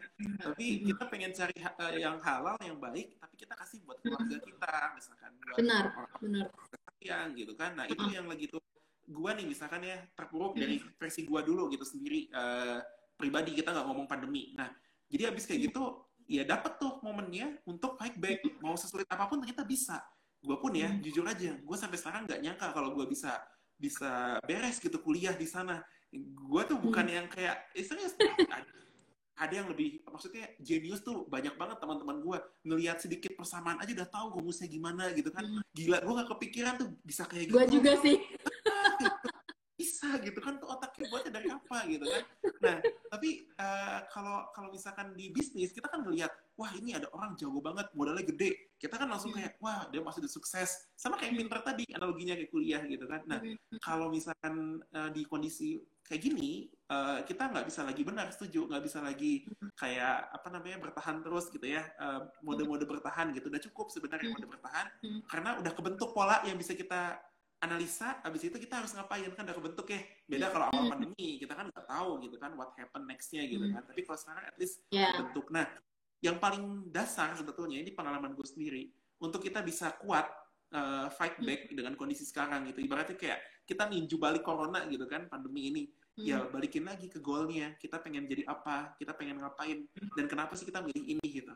Karena gue sendiri gak punya apa gue memiliki yeah, usaha, jadi lo tahu gitu ya kan? sebenarnya setiap orang beda-beda. Hmm uh, mungkin yang pernah lu bilang ke gue ikigai gitu istilahnya. Nah gue baru baru tahu nih. Oh iya gitu kan. Nah ternyata itu tuh benar ngeluarin apa ya kayak kayak unlimited power gitu loh. Walaupun pasti ya turun naik iya. Yeah. kalau udah turun ingat lagi hmm. gitu kan. Iya tuh gue pengen ke sini gue tahu nih susah gitu kan.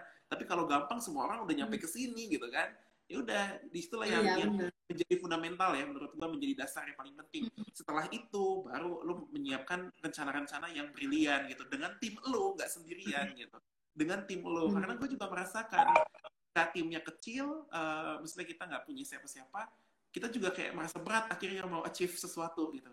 Tapi kalau kita punya teman, kita ajak aja semua yang punya potensi, uh, kita ajak ngobrol, kita punya gagasan gini nih, punya punya rencana kayak gini gitu kan. Ya kalau ternyata emang sama kita sudah punya tim sudah punya uh, rencana yang brilian dan kita pun sudah punya motivasi sendiri yang udah kuat ya why not? Abis itu bisa tuh fight eksekusi back ya. Eksekusi karena memang tapi yang pertama yang sebelum lo ngelihat dulu kenapanya goalnya apa berarti PR-nya adalah lo buat goal kan? Bener gak sih Benar, benar. Iya, harus punya goal dulu kan. Kenapa lu di situ gitu kan? Selalu ada pertanyaan hmm. kan sebetulnya. Hmm. Ya kayak dulu lu kenapa ke Jerman? Pasti ada ada ada alasan dong yang kuat. Oh iya, hmm. karena gue pengen lihat winter misalkan, pengen main hmm. salju gitu kan. Tapi tidak mungkin sependek itu. Mungkin kalau saljunya udah beres, abis itu lu udah nggak mood lagi di Jerman kan? Mungkin lu sebalik gitu. Nah saat itu kan beda. Berwirausaha juga bukan cuma karena iya gue pengen tajir, enggak. Tapi kan pasti mikirnya oh gue pengen membantu lebih banyak keluarga. Ini misalkan nih yang paling common kan uh, eh, gue pengen uh, kalau lu kebayang dong. Eh gue berbeda mau tanya uh, eh, FPK berapa ini ya? Uh, timnya ada berapa orang? Nyampe 30 40 50 nyampe lah. Lebih nah, kalau sama model dihitung 50 mah lebih. Nah misalkan nih lu bayangin nih misalkan lima tahun kemudian hmm. 50 orang ini semuanya nikah ya kemudian hmm. punya anak satu jadi kan satu keluarga punya tiga orang ya. Satu keluarga punya hmm. tiga orang. Jadi 50 kali 3, 150. Kebayang berarti lu bisa memberdayakan, uh, menghidupi 150 orang di usaha lu. Nah itu tuh semangat yang luar biasa loh. Kayak kayak punya kesenangan tersendiri ketika lu bisa uh, menjadi apa ya uh, jalur uh, rezeki orang gitu orangnya banyak hmm. lagi misalkan 150 nah itu salah satu ya misalkan uh, goal gua gitu ingin bermanfaat hmm. misalkan. Ya sebenarnya hmm. banyak sih motif-motifnya banyak. Ini yang paling common gitu kan. Nah sehingga hmm. itu tuh yang yang gue sendiri jujur ya ada beberapa orang perusahaan dan gue yakin juga banyak di sini uh, pengusaha UKM ketika lay off karyawannya itu juga nggak mudah kan pasti kayak baper gitu kan. Aduh ini kalau dia baik banget apalagi kalau tadi value-nya ada bagus rajin jujur lagi wah itu kayaknya apa berat gitu untuk melepas gitu kan. Nah makanya uh, ketika memang uh, punya value yang kuat gitu kan alasan yang kuat kenapa gua ada di sini atau kita ada di sini ya itu bakal balik lagi sih nanti powernya gitu. Mau ngelawan pandemi juga. Hanya memang nggak mudah tuh untuk naikin itu. Mood orang tuh ada aja gitu turunnya habis gitu kayak mager lagi. Habis itu pikir kayak wah gue paling enak emang rebahan lagi. Nah itu emang emang penyakit yang paling berat sih. Penyakit yang paling berat gitu kan. Jadi to keep steady gitu stable gitu si semangatnya ini emang nggak nggak nggak iyalah apalagi kalau kita usaha itu sebenarnya ya sebenarnya sih nggak hmm. boleh lari ya kan? Harus kayak maraton aja gitu. Cuman iya, kalau kemarin kan banyak juga dari um, dari gue denger dari teman-teman yang lain ya gue jalan di tempat dulu deh sekarang gitu. Ya gue uh, stay dulu deh sekarang kayak gitu loh. Nunggu-nunggu dulu deh sekarang gitu. Tapi nggak bisa lama-lama juga kayak gitu loh maksudnya. Jadi yeah, yeah. menurut gue ya kuncinya ya lo harus adaptasi. Bener nggak sih? Nah, kita masing-masing dari kita harus punya gambaran gimana caranya kita um, adaptasi sama yang sekarang ini happening. Gitu. Hmm ya itu jargon lah ya semua orang semua orang bisa tahu gitu. Tapi gimana sih caranya adaptasi? Lo balik lagi gitu kan ke tujuannya apa gitu. yeah, tujuan lo apa sih sebenarnya? Waktu lo uh, apa starting apa yang uh, lo lagi usahain sekarang gitu? Benar kayak klise ya kayak kayak ya tapi bener ya. tapi, tapi itu sih gua, seharusnya gua, ya. Gue kadang kayak mengabaikan itu lah kayak ah apa sih ini kayak formalitas gitu lah ya kalau dalam birokrasi kayak ah ini mah formalitas doang. Hmm. Tapi enggak loh, believe me itu kalau kalau kita yakin tuh itu punya power gitu dan itu works yeah. gitu. Dan gua salah satu yang buat gue saat itu tidak bertumbuh cepat karena gue tidak tidak eh, karena gue mengabaikan itu, mengabaikan uh, si apa namanya why-nya itu, uh, mm -hmm. alasan kenapa gue ada di sini gitu kan. Mm -hmm. Kayak ya udah just do it aja ya, benar just do it, tapi perlu punya punya reason gitu, why gitu kan. Kenapa sih mm -hmm. ini gitu ya itulah kalau yang prinsip orang Jepang tuh emang keren banget sih benar ikigai gitu kan jadi ya well ya mau UKM mau startup basically people hmm. benar gitu. Kalau semua hmm. people-nya udah outstanding makanya kayak perusahaan startup kan bisa nge-hire uh, orang-orang terbaik karena gajinya juga hmm. gede gitu kan alokasi uangnya ada gitu kan. Tapi sebelum dari itu kan pan, apa founder-foundernya juga kan punya dulu juga oh, iya. oh, betul. Founder-foundernya emang punya kualitas gitu. Dan itu pun jadi pelajaran buat gua kayak iya sih lu lu harus punya kualitas yang yang gede juga gitu kan. Semua yang gede nggak nggak tiba-tiba gede karena modal tapi basically awalnya punya gede karena uh, value uh, people-nya gitu kan value foundersnya gitu.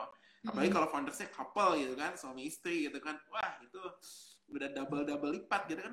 Kerja kalian berarti 24 jam ya suami istri itu kan kalau pasangannya gitu kan kalau foundernya gitu. kalau misalkan yang ya iya kan semuanya 24 jam itu kalau misalkan yang yang teman biasa kan ya malam pulang pulang gitu kan seperti itu. Ya emang inilah people itu. Jadi kata clue yang bisa kita pegang hari ini kayaknya data dan people ya.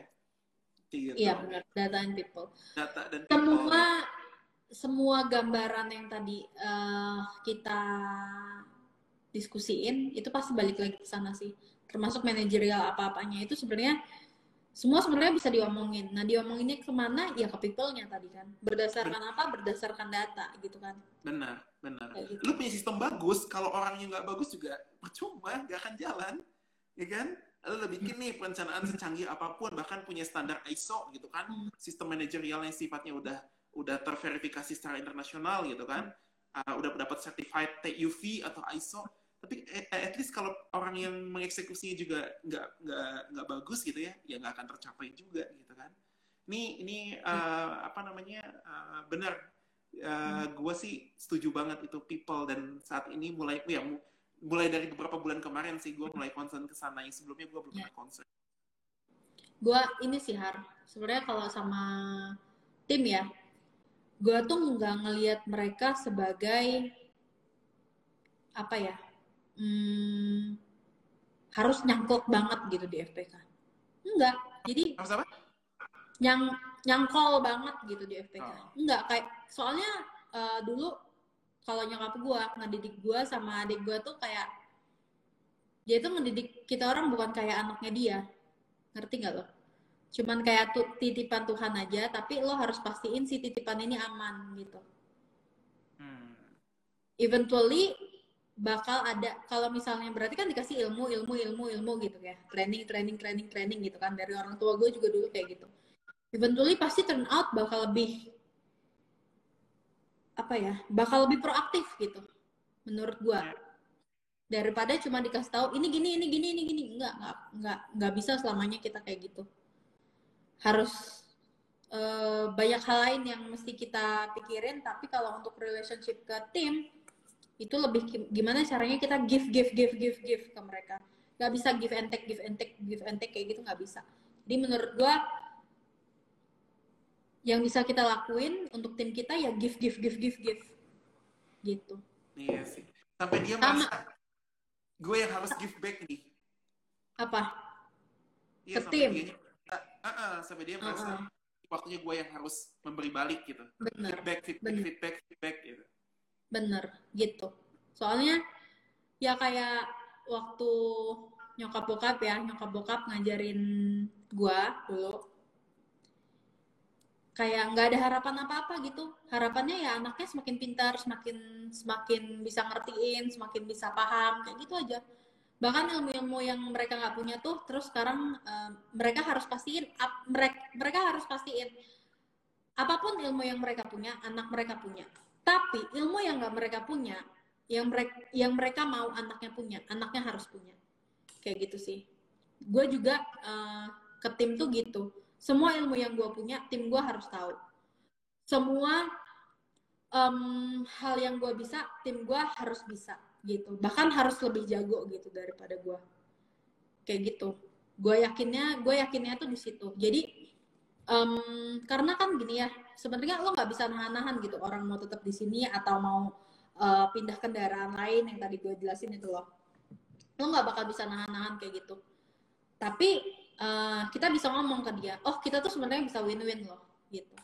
Guys gini nih kita tuh sebenarnya kalau misalnya tujuannya masih di satu arah gitu ya kenapa nggak kita di satu kendaraan yang sama dulu gitu. Jadi gue ngerasanya waktu gue berani sampein itu etos kerjanya itu boh jadi langsung pung gitu loh kayak tinggi banget. Gitu. Karena value yang gue kasih ya value yang gue punya. Ya. nggak ada dikurang-kurangin nggak ada dilebih-lebihin. Nggak takut gitu ya nggak takut berbagi ya, nggak takut nggak. takut dia nanti mengkhianati atau apa memang tulus aja gitu nanti dia merasakan sendiri gitu ya. Benar.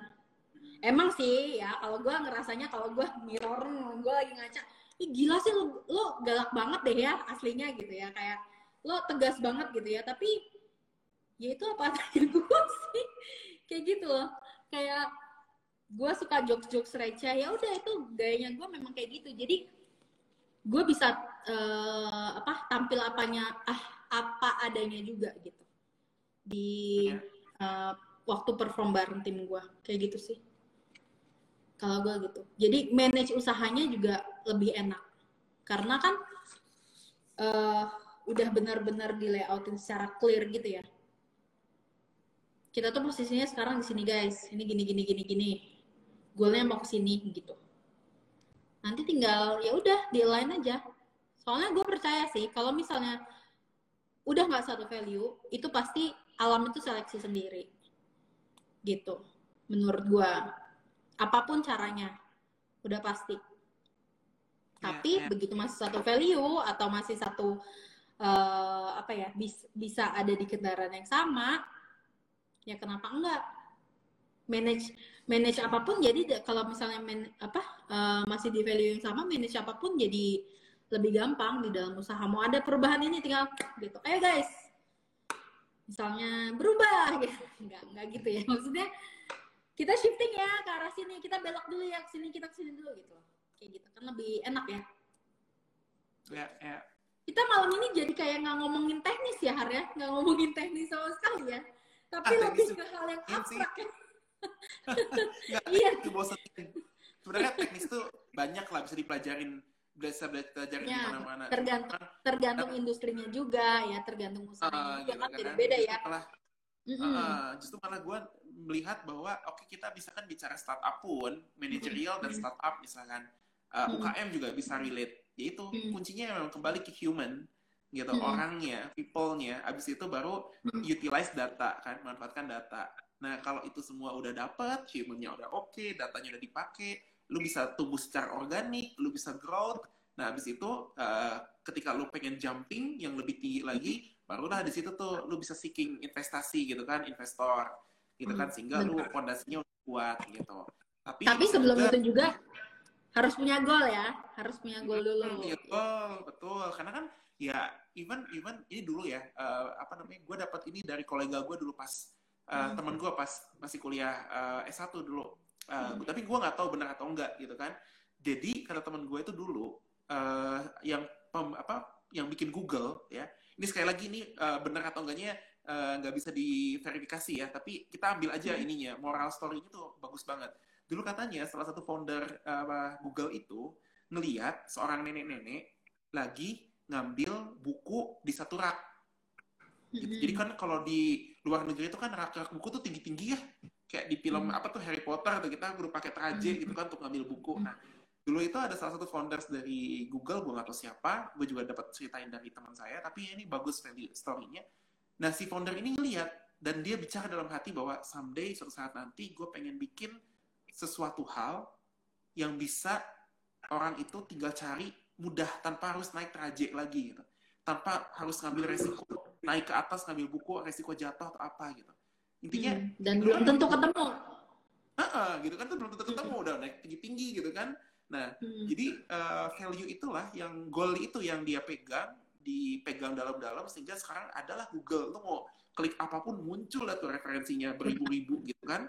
Lu bisa tahu informasi dengan tepat akurat gitu. Sedangkan lagi itu si nenek itu yang ngambil buku di perpustakaan yang mungkin di ketinggian 3-4 meter gitu kan dengan hmm. resikonya yang ambil buku susah belum tentu abis gitu harus dia buka lagi bukunya cari informasi hmm. yang tepat lagi gitu nah itu sekuat itu loh uh, goalnya founder Google ya walaupun harus gua disclaimer bahwa ini belum tentu cerita real ya tapi gua dapat ya, cerita tapi maksudnya kita ngerti gambaran goal itu seperti apa sih sekuat itu loh goalnya tuh ingin memberikan hmm. manfaat ke orang uh, hmm. supaya mau cari informasi itu nggak harus naik traje ngambil buku susah-susah lu tinggal ngeklik di HP lu di gadget lu muncul informasi apa pun yang lu pengen Benar. gitu kan Benar. nah sekarang dirasakan oleh uh, semua orang mungkin satu miliar hmm. orang lebih di dunia itu sekarang udah nggak ada yang nggak pakai Google gitu kan referensi yeah. semua di Google gitu kan nah yeah. sehebat itu loh value of goal dari seseorang gitu kan uh, nah uh, yang akhirnya ke apa ya ke reflect ke dalam bentuk eksekusi sampai sekarang Google segede gini gitu kan.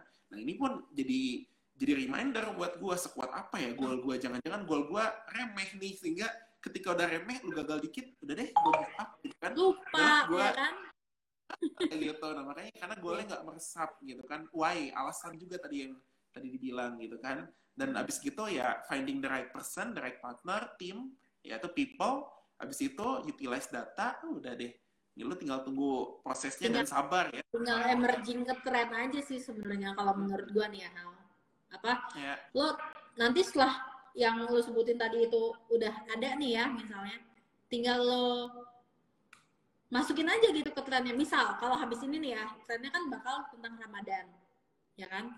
Gimana tadi lo nge-align goal lo supaya lo bisa enjoy the ride-nya gitu ya? Lo bisa uh, enjoy trennya juga yang lagi happening saat itu.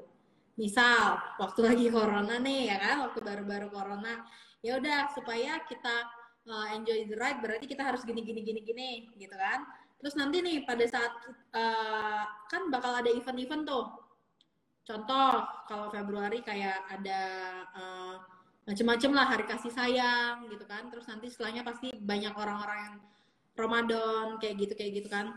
Nah, nanti itu sebenarnya bisa di bisa di apa ya, dimanfaatkan gitu untuk uh, kita tuh bisa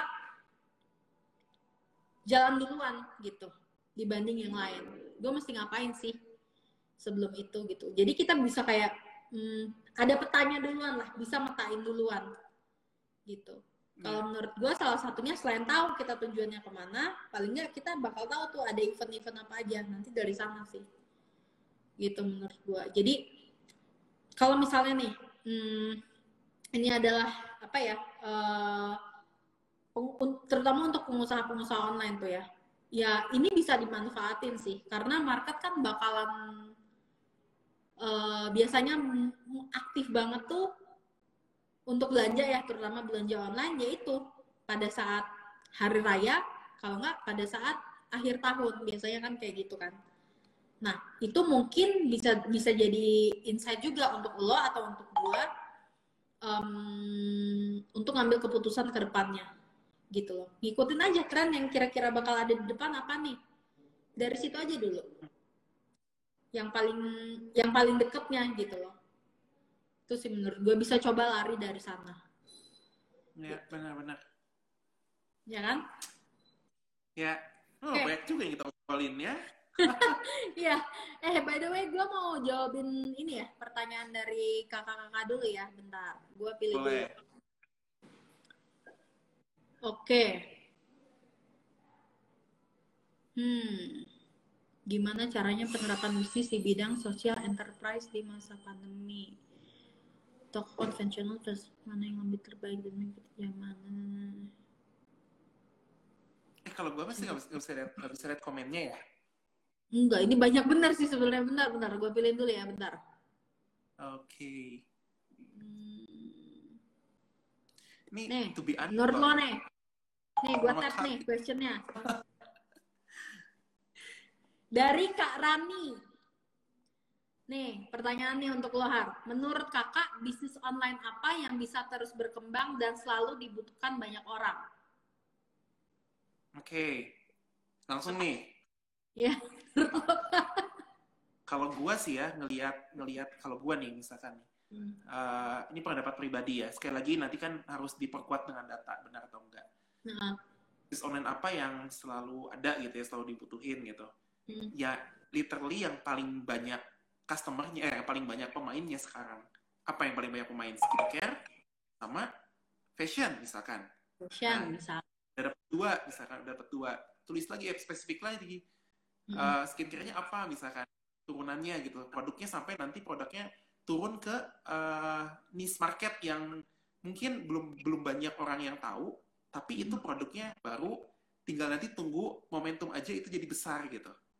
Ya. kayak gitu. Tapi industrinya minimal industri yang memang nggak pernah sunset nih. Ya kan? Kayak kuliner hmm, kan, industri yang nggak sunset sunset ya. Oh. nah, ya literally kebutuhan dasar gitu kan. Jadi uh, kecuali kalau pengen untuk segmentasi premium. Itu ya, hmm. uh, memang marketnya kecil tapi daya belinya nggak nggak nggak nggak nanggung nanggung gitu kan. Sekali beli berapa puluh juta berapa ratus juta gitu kan. Tapi untuk ny nyampe ke titik itu nggak nggak nggak bukan sehar bukan semalam dua malam gitu ya ngebentuk hmm. brandingnya. Nah kalau misalkan ngomongin tadi ya sifatnya gimana online apa yang yang sustain gitu ya. Ya hmm. lihat industri yang pernah sunset which is itu tadi. Uh, kalau makanan susah ya. Makanan deskripsinya online dikirim tuh susah kecuali yang sempat juga viral dulu kan pas pandemi. Tapi at least yeah. Uh, kalau makanan kan biasanya localized ya. Bandung ya Bandung, terutama makanan yang yang segar gitu kan, kecuali ya. makanan, gitu ya. Uh, tapi yang paling paling common itu fashion sama uh, beauty, sifatnya mungkin apa ya disebutnya oh, wellness gitu ya, kayak skincare gitu kan. Nah dulu juga ya ini yang menarik nih, gue dulu pernah dapat informasi gitu dari teman-teman gue dulu satu kom satu komunitas pas lagi dulu di Jakarta Tahu nggak hmm. teman gue sampai bilang begini, tahun tahun 2015 dulu, uh, hmm. teman gue ada yang nge uh, prediksi begini, someday gue yakin semua konten akan didominasi video. Saya bilang gitu loh. Hmm. Itu insting dia bilang. Gue bilang, kenapa? Kan dulu itu 2015 masih pada uh, zamannya Flickr, foto-foto semua gitu kan, belum ada video. Hmm. Gitu, video tuh kayak kayak nggak nggak familiar gitu loh, semua foto gitu kan. Nah teman gue bilang, uh, nanti akan ada masanya semua konten basisnya video. Sekarang Instagram udah hampir video semua, TikTok video semua. Nah terus ada lagi yang nembak uh, apa uh, ngomentarin, dia akan bilang kayak gini teman gue itu. Nanti kalau zamannya video, semua zamannya video, yang bakal laku itu adalah kosmetik. Kata teman gue, inget banget tuh kata-kata teman gue. Terus katanya, kenapa kosmetik itu lagi cerita lagi lagi ini, lagi kerja kelompok. Temen gue bilang apa coba? Pas gue tanya kenapa kosmetik, hmm literally yang sekarang kita lagi lakuin.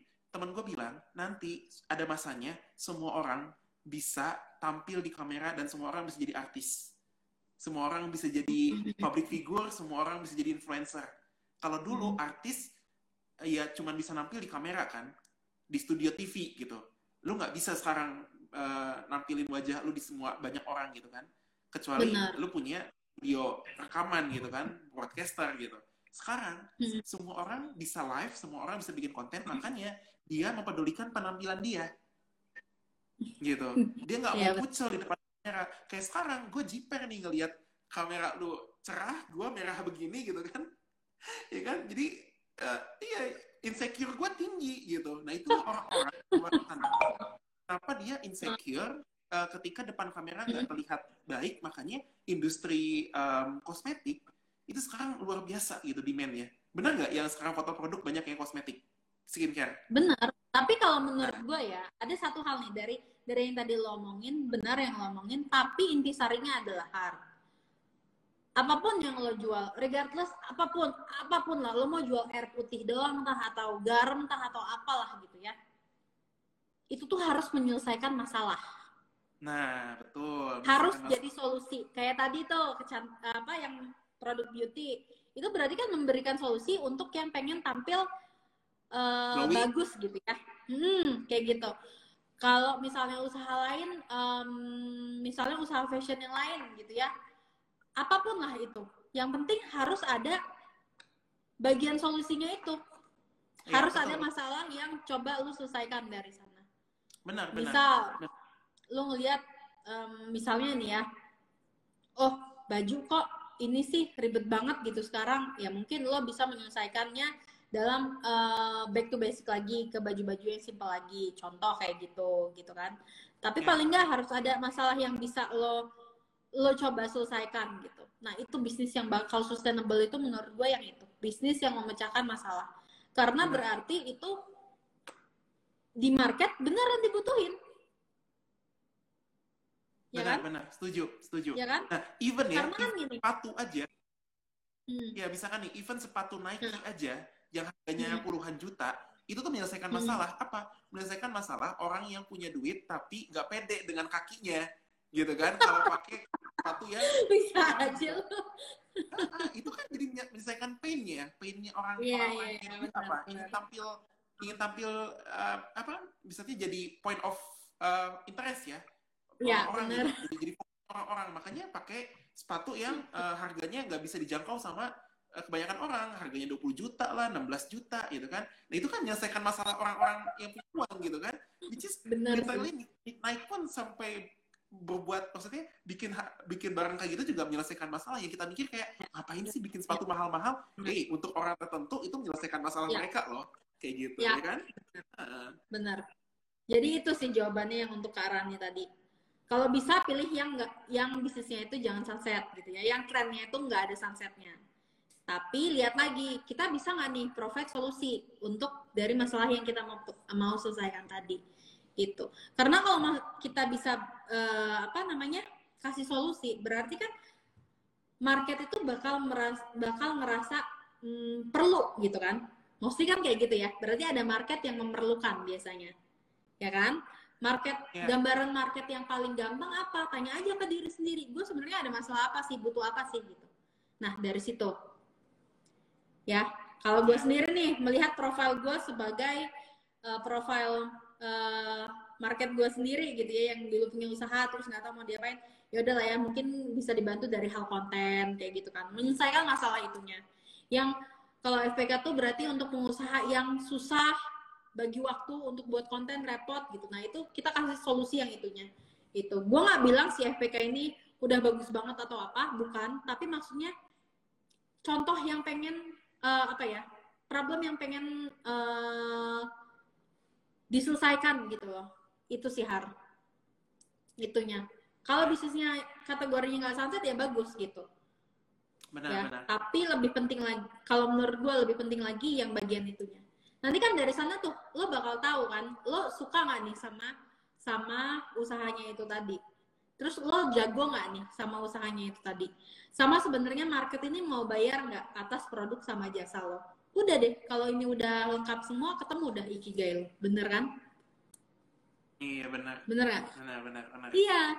Kalau gue paling suka tuh berangkat waktu mau bangun usaha. Berangkat dulu dari bukan apa yang gue suka bukan apa yang gue bisa bukan apa yang kira-kira laku di masyarakat tapi sebenarnya masyarakat tuh market itu perlu apa enggak gitu hmm. terselesaikan nggak masalahnya mereka ya, ya. gitu sih Ya. Gitu ya. Oke, lanjut lagi.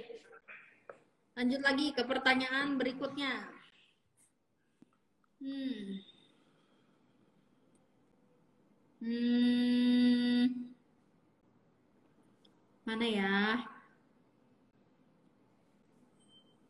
Menurut konsumen supaya mau belanja di sini.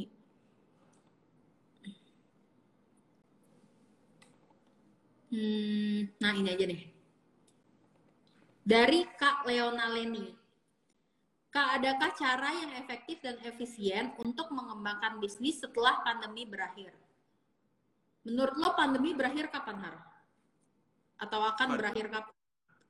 Gue bukan gue bukan peneliti nih. Tapi tahu ya. sebagai kapan ya? sebagai peneliti Instagram, konten-konten yang maksudnya ngelihat berita-berita. Eh, ini sumber- sumbernya beda-beda. Gue nggak ingat semua Hmm. sumbernya. Tapi ya, yang nempel di kepala gue satu, Hmm. pandemi ini katanya eh, em, apa namanya nggak nggak akan pernah ada ujungnya. Yang ada adalah kitanya yang beradaptasi. Nanti si COVID ini Hmm. dia kan masuk ke kelas coronavirus. Ya corona kan banyak gitu kan SARS COVID gitu kan. Nah Hmm. jadi mereka nanti masuk ke kayak flu-flu biasa gitu. Selama nanti kitanya udah adaptasi. Oh. jadi akan terus ada gitu. Dan pakai masker ya akan akan jadi kebiasaan. Tapi mungkin nanti someday nggak akan jadi kewajiban kayak sekarang. Tapi tetap jadi pilihan Ya, orang. Ada yang mau tetap pakai masker Benar. gitu. Nah lagi ada yang kedua ya kalau ngomongin makro ekonominya butuh waktu eh, bertahun-tahun bisa setahun dua tahun tergantung Hmm. eh, gimana respon eh, masyarakat juga sama kebijakannya untuk sama-sama memperbaiki ekonominya gitu. Nah jadi eh, ini em, panjang sih ininya eh, apa clue-nya Jadi gitu kan, tapi definisi jelas. pandemi itu berakhir kapan itu tuh sama aja kayak kita ngerasain waktu itu kapan sih pandemi itu mulai. Kita nggak bisa tahu tanggal pastinya itu kapan, tapi kita bisa ngerasain gitu kan, betul, ya kan? betul. Jadi nggak bisa di- nggak bisa dibilang juga oh bakal selesai tahun sekian, bulan sekian yang kayak gitu gitu. Kalau menurut gua sih nggak akan bisa ya, susah gitu. Yang Yang ada lebih tapi bisa kita kontrol, kenapa? Iya, yang ada yang memang yang uh, bisa dilakuin satu-satunya ya siap-siap aja gitu. Siap-siap tuh artinya uh, menyambut menyambut uh, respon dari nanti setelah selesai pandemi uh, kayak gimana. Nah, tapi kan kita nggak pernah tahu kapan endingnya nih. Makanya siap-siapnya terus aja jangan berhenti gitu kan. Ibaratnya kayak kayak Atau preparing lah, preparing for the worst gitu ibaratnya. Uh, benar. kita siap semua gitu atau kan. menurut gua har kita harus eh, apa mm, tanya sama diri kita sendiri kita mau mulai nggak sih? Walaupun sekarang masih happening Iya. pandeminya. Nah, ya kan? Terus pertanyaannya balik ke pertanyaan lagi. Nah ini kan Kak Leonel ini nanya setelah pandemi berakhir gitu. Karena yang tadi itu kita nggak tahu kan pastinya kapan itu bakal berakhir ya udah kita anggap aja si pandemi ini masih lama lah gitu ya. Atau kita nggak tahu kapan kapan pastinya dia bakal eh, kita serap jadi kayak ya sakit biasa gitu kayak flu gitu misalnya misalnya. Hmm. tapi kan kita nggak tahu itu kapan. Nggak ada yang bisa mastiin juga gitu tanggal berapa kayak gitu kayak gitunya kan. Nggak ada yang bisa. Jadi pertanyaannya adalah kita sebenarnya mau mulai nggak sih? Dan mulainya kapan? Gitu. Nanyanya ke Ya. diri kita bukan ke bukan ke keadaannya gitu. Jadi dari kitanya dulu siap apa enggak gitu. Kalau kita memang udah siap ya besok aja mulai. Kalau nggak sekarang aja mulai gitu kan. Nggak apa-apa. Nah caranya gimana yang efektif sama efisien untuk ngembangin si bisnis itu gitu kalau menurut gua satu jangan patokan sama keadaan yang maksudnya jangan patokan sama ya udah lah ya tunggu corona beres ya susah gitu kan ya nggak nah kan Jadi- ya build seperti dari Benar. sekarang gitu Benar, mungkin bisa salah satunya bisa kayak gitu. Mulai bangun relasi emotional bank, terus udah gitu em, apa? Nambah ilmu, prepare diri kita sendiri. Nggak apa-apa, it's okay gitu. Nah, nanti kan lama-lama kita bisa jadi jadi tahu kan goal kita apa, terus dari sana deh pung gitu kayak yaudah deh gue mulai sekarang. Cara biarin efektif sama efisiennya untuk ngembangin bisnis ya gimana itu tadi sama aja sih sebenarnya punya goal dulu goalnya apa ya nggak har Iya. terus setelah itu eh, goalnya di breakdown setelah apa goalnya di breakdown kecil-kecil ya baru deh nanti along the way pasti ketemu aja jalannya caranya supaya efektif gimana, caranya supaya efisien gimana. Maksudnya itu uh, itu bahasannya hmm, kalau menurut gue ya teknis, bahasannya teknis karena setiap industri juga bakalan beda-beda. Cuman yang bakal ngebedain adalah uh, kualitas dari diri kitanya dulu sendiri. Hmm. Kalau kita bisa manage diri kita se, se apa efektif dan efisien, udah pasti usahanya juga bakal ikut ke bawah efektif dan efisien. Gitu. Kalau hmm, kan efektif sama efisien itu uh, berhubungan sama waktu, sama berhubungan sama uh, apa bang? Efektif efisien.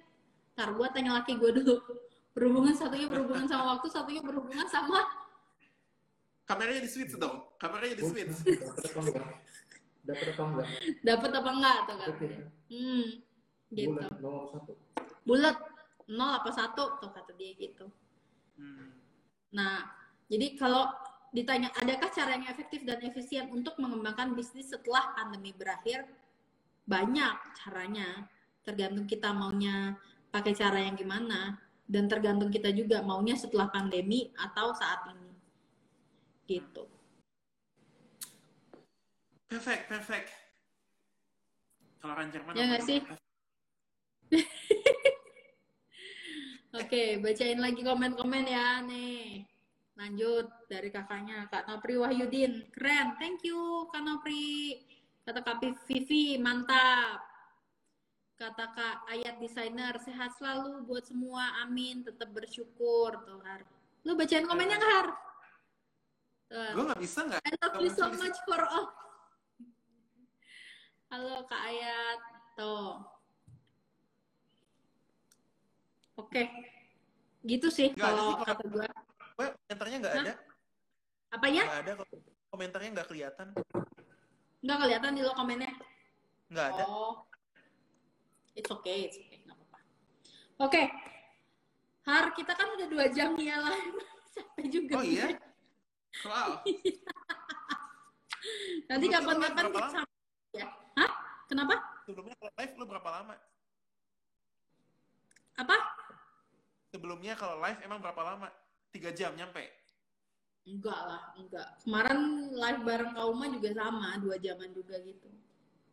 Yeah, yeah. gitu tapi enaknya tuh kalau kalau live gini kayak gue belajar gue banyak belajar hal baru gitu sih. Jadi kayak either diingetin kembali atau enggak ya uh, dikasih insight baru gitu. Kayak hmm. eh kemarin tuh kayaknya ada yang ketinggalan deh gue belum kerjain ini deh sekarang kayak gitu.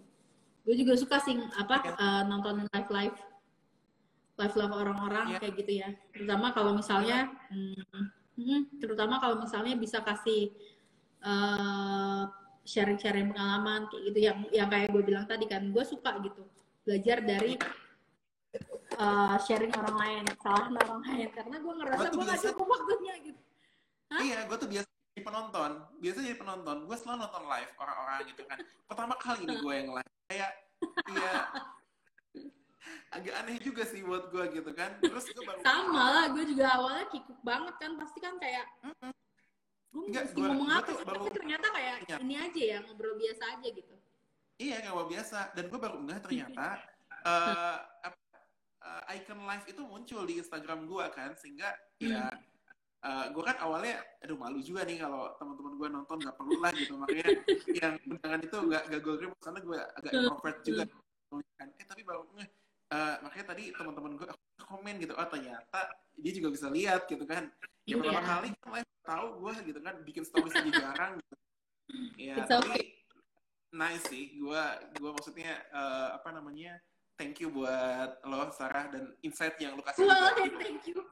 Human human dan data ya. Nah, let's talk nanti uh, tentang human. Gue mungkin Uh, nanti mungkin yang di sini nonton kayak pada request ini coaching Bener. coaching sama Teh Sarah nih, Wih. ya kan? Bikin human yang human Tapi, yang menarik gitu. Maksud gue gini, maksud gue gini, tadi yang kita bahas kan memang judulnya itu gambaran usaha online dan manajerial usaha setelah pandemi ya. Tapi sebenarnya jawabannya tuh balik lagi ke yang dua hal tadi yang kita omongin tuh. Tiga lah tambah satu lah ya kan.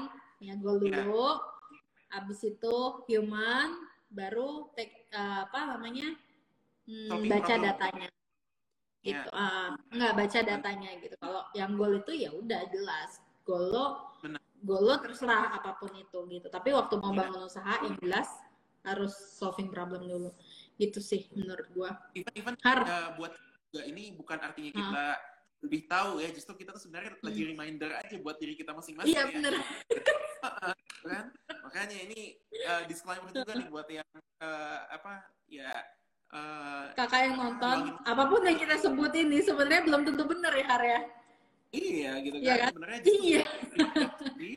gitu ya Hmm. mungkin ada jadi ada faedahnya setelah kita oh tahu nih benar gue belajar dari lu Hmm. tentang human uh, Hmm. mungkin lu juga ada yang bisa diambil dari gue sehingga jadi kita jadi mutualisme gitu kan padahal Benar, sebenarnya kita benar, semua masih belajar gitu kan ya yang paling penting kan jangan jangan malu untuk untuk bisa mengakui keka- uh, kesalahan dan pelajari uh, improve Ya. gitu kan dan Ya. respect sama yang sudah lebih punya pengalaman kita ambil pelajarannya gitu bener Ya, ya. Kadang kalau terlalu bijak juga membosankan sih ya. Harus kes, eh, apa? Sedikit-sedikit. capek lah jadi bijak kalau gue ya kalau gue nggak bisa gue gue mesti ada recehnya dulu gue Ya, ya, ya. Iya. Oke, Har, kita ketemu lain waktu. Kali ini itu dulu. Yap. Tadi kan gambaran usaha online dan manajerial usaha setelah pandemi atau pada saat pandemi. Ya kurang lebih kita ngebahasnya memang nggak terlalu teknis, tapi gue belajar banyak banget dari dari perbincangan kita yang hal-hal udah kita sebutin tadi gitu. Nanti mungkin nextnya uh, kalau misalnya lo masih mau sama kita masih dikasih kesempatan bisa live bareng lagi. Bahasannya apa pun lah apa pun yang apa yang lo mau juga ayo gitu. Karena gue ngerasa kalau gue lagi perbincangan tabu seru nih yang kayak gini tuh itu tuh ngerasa apa ya? Karena bisa ngeluarin sesuatu yang gue udah tahu atau yang udah gue pernah alamin gitu gue ngerasa jadi kayak lebih lega gitu.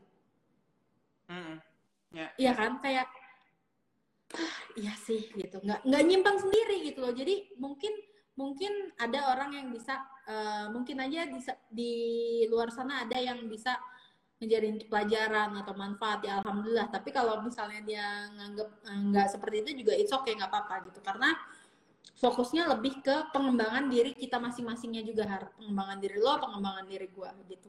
Dengan kayak gini kan kita bisa belajar banyak hal gitu ya. Nanti next time kapan-kapan kita ngobrol lagi. Oke? Siap. Hmm, semoga yang nonton bisa dikasih eh, apa ya bisa ngambil satu dua hal walaupun kita kebanyakan masih cekikikan doang gitu. Nanti kalau misalnya ada em, pertanyaan lanjutan bisa ditanyain aja kakak-kakak semua di kolom komentar. Thank you so much. Selamat beristirahat. Selamat aktivitas Danke. lagi untuk besok. Danke bye bye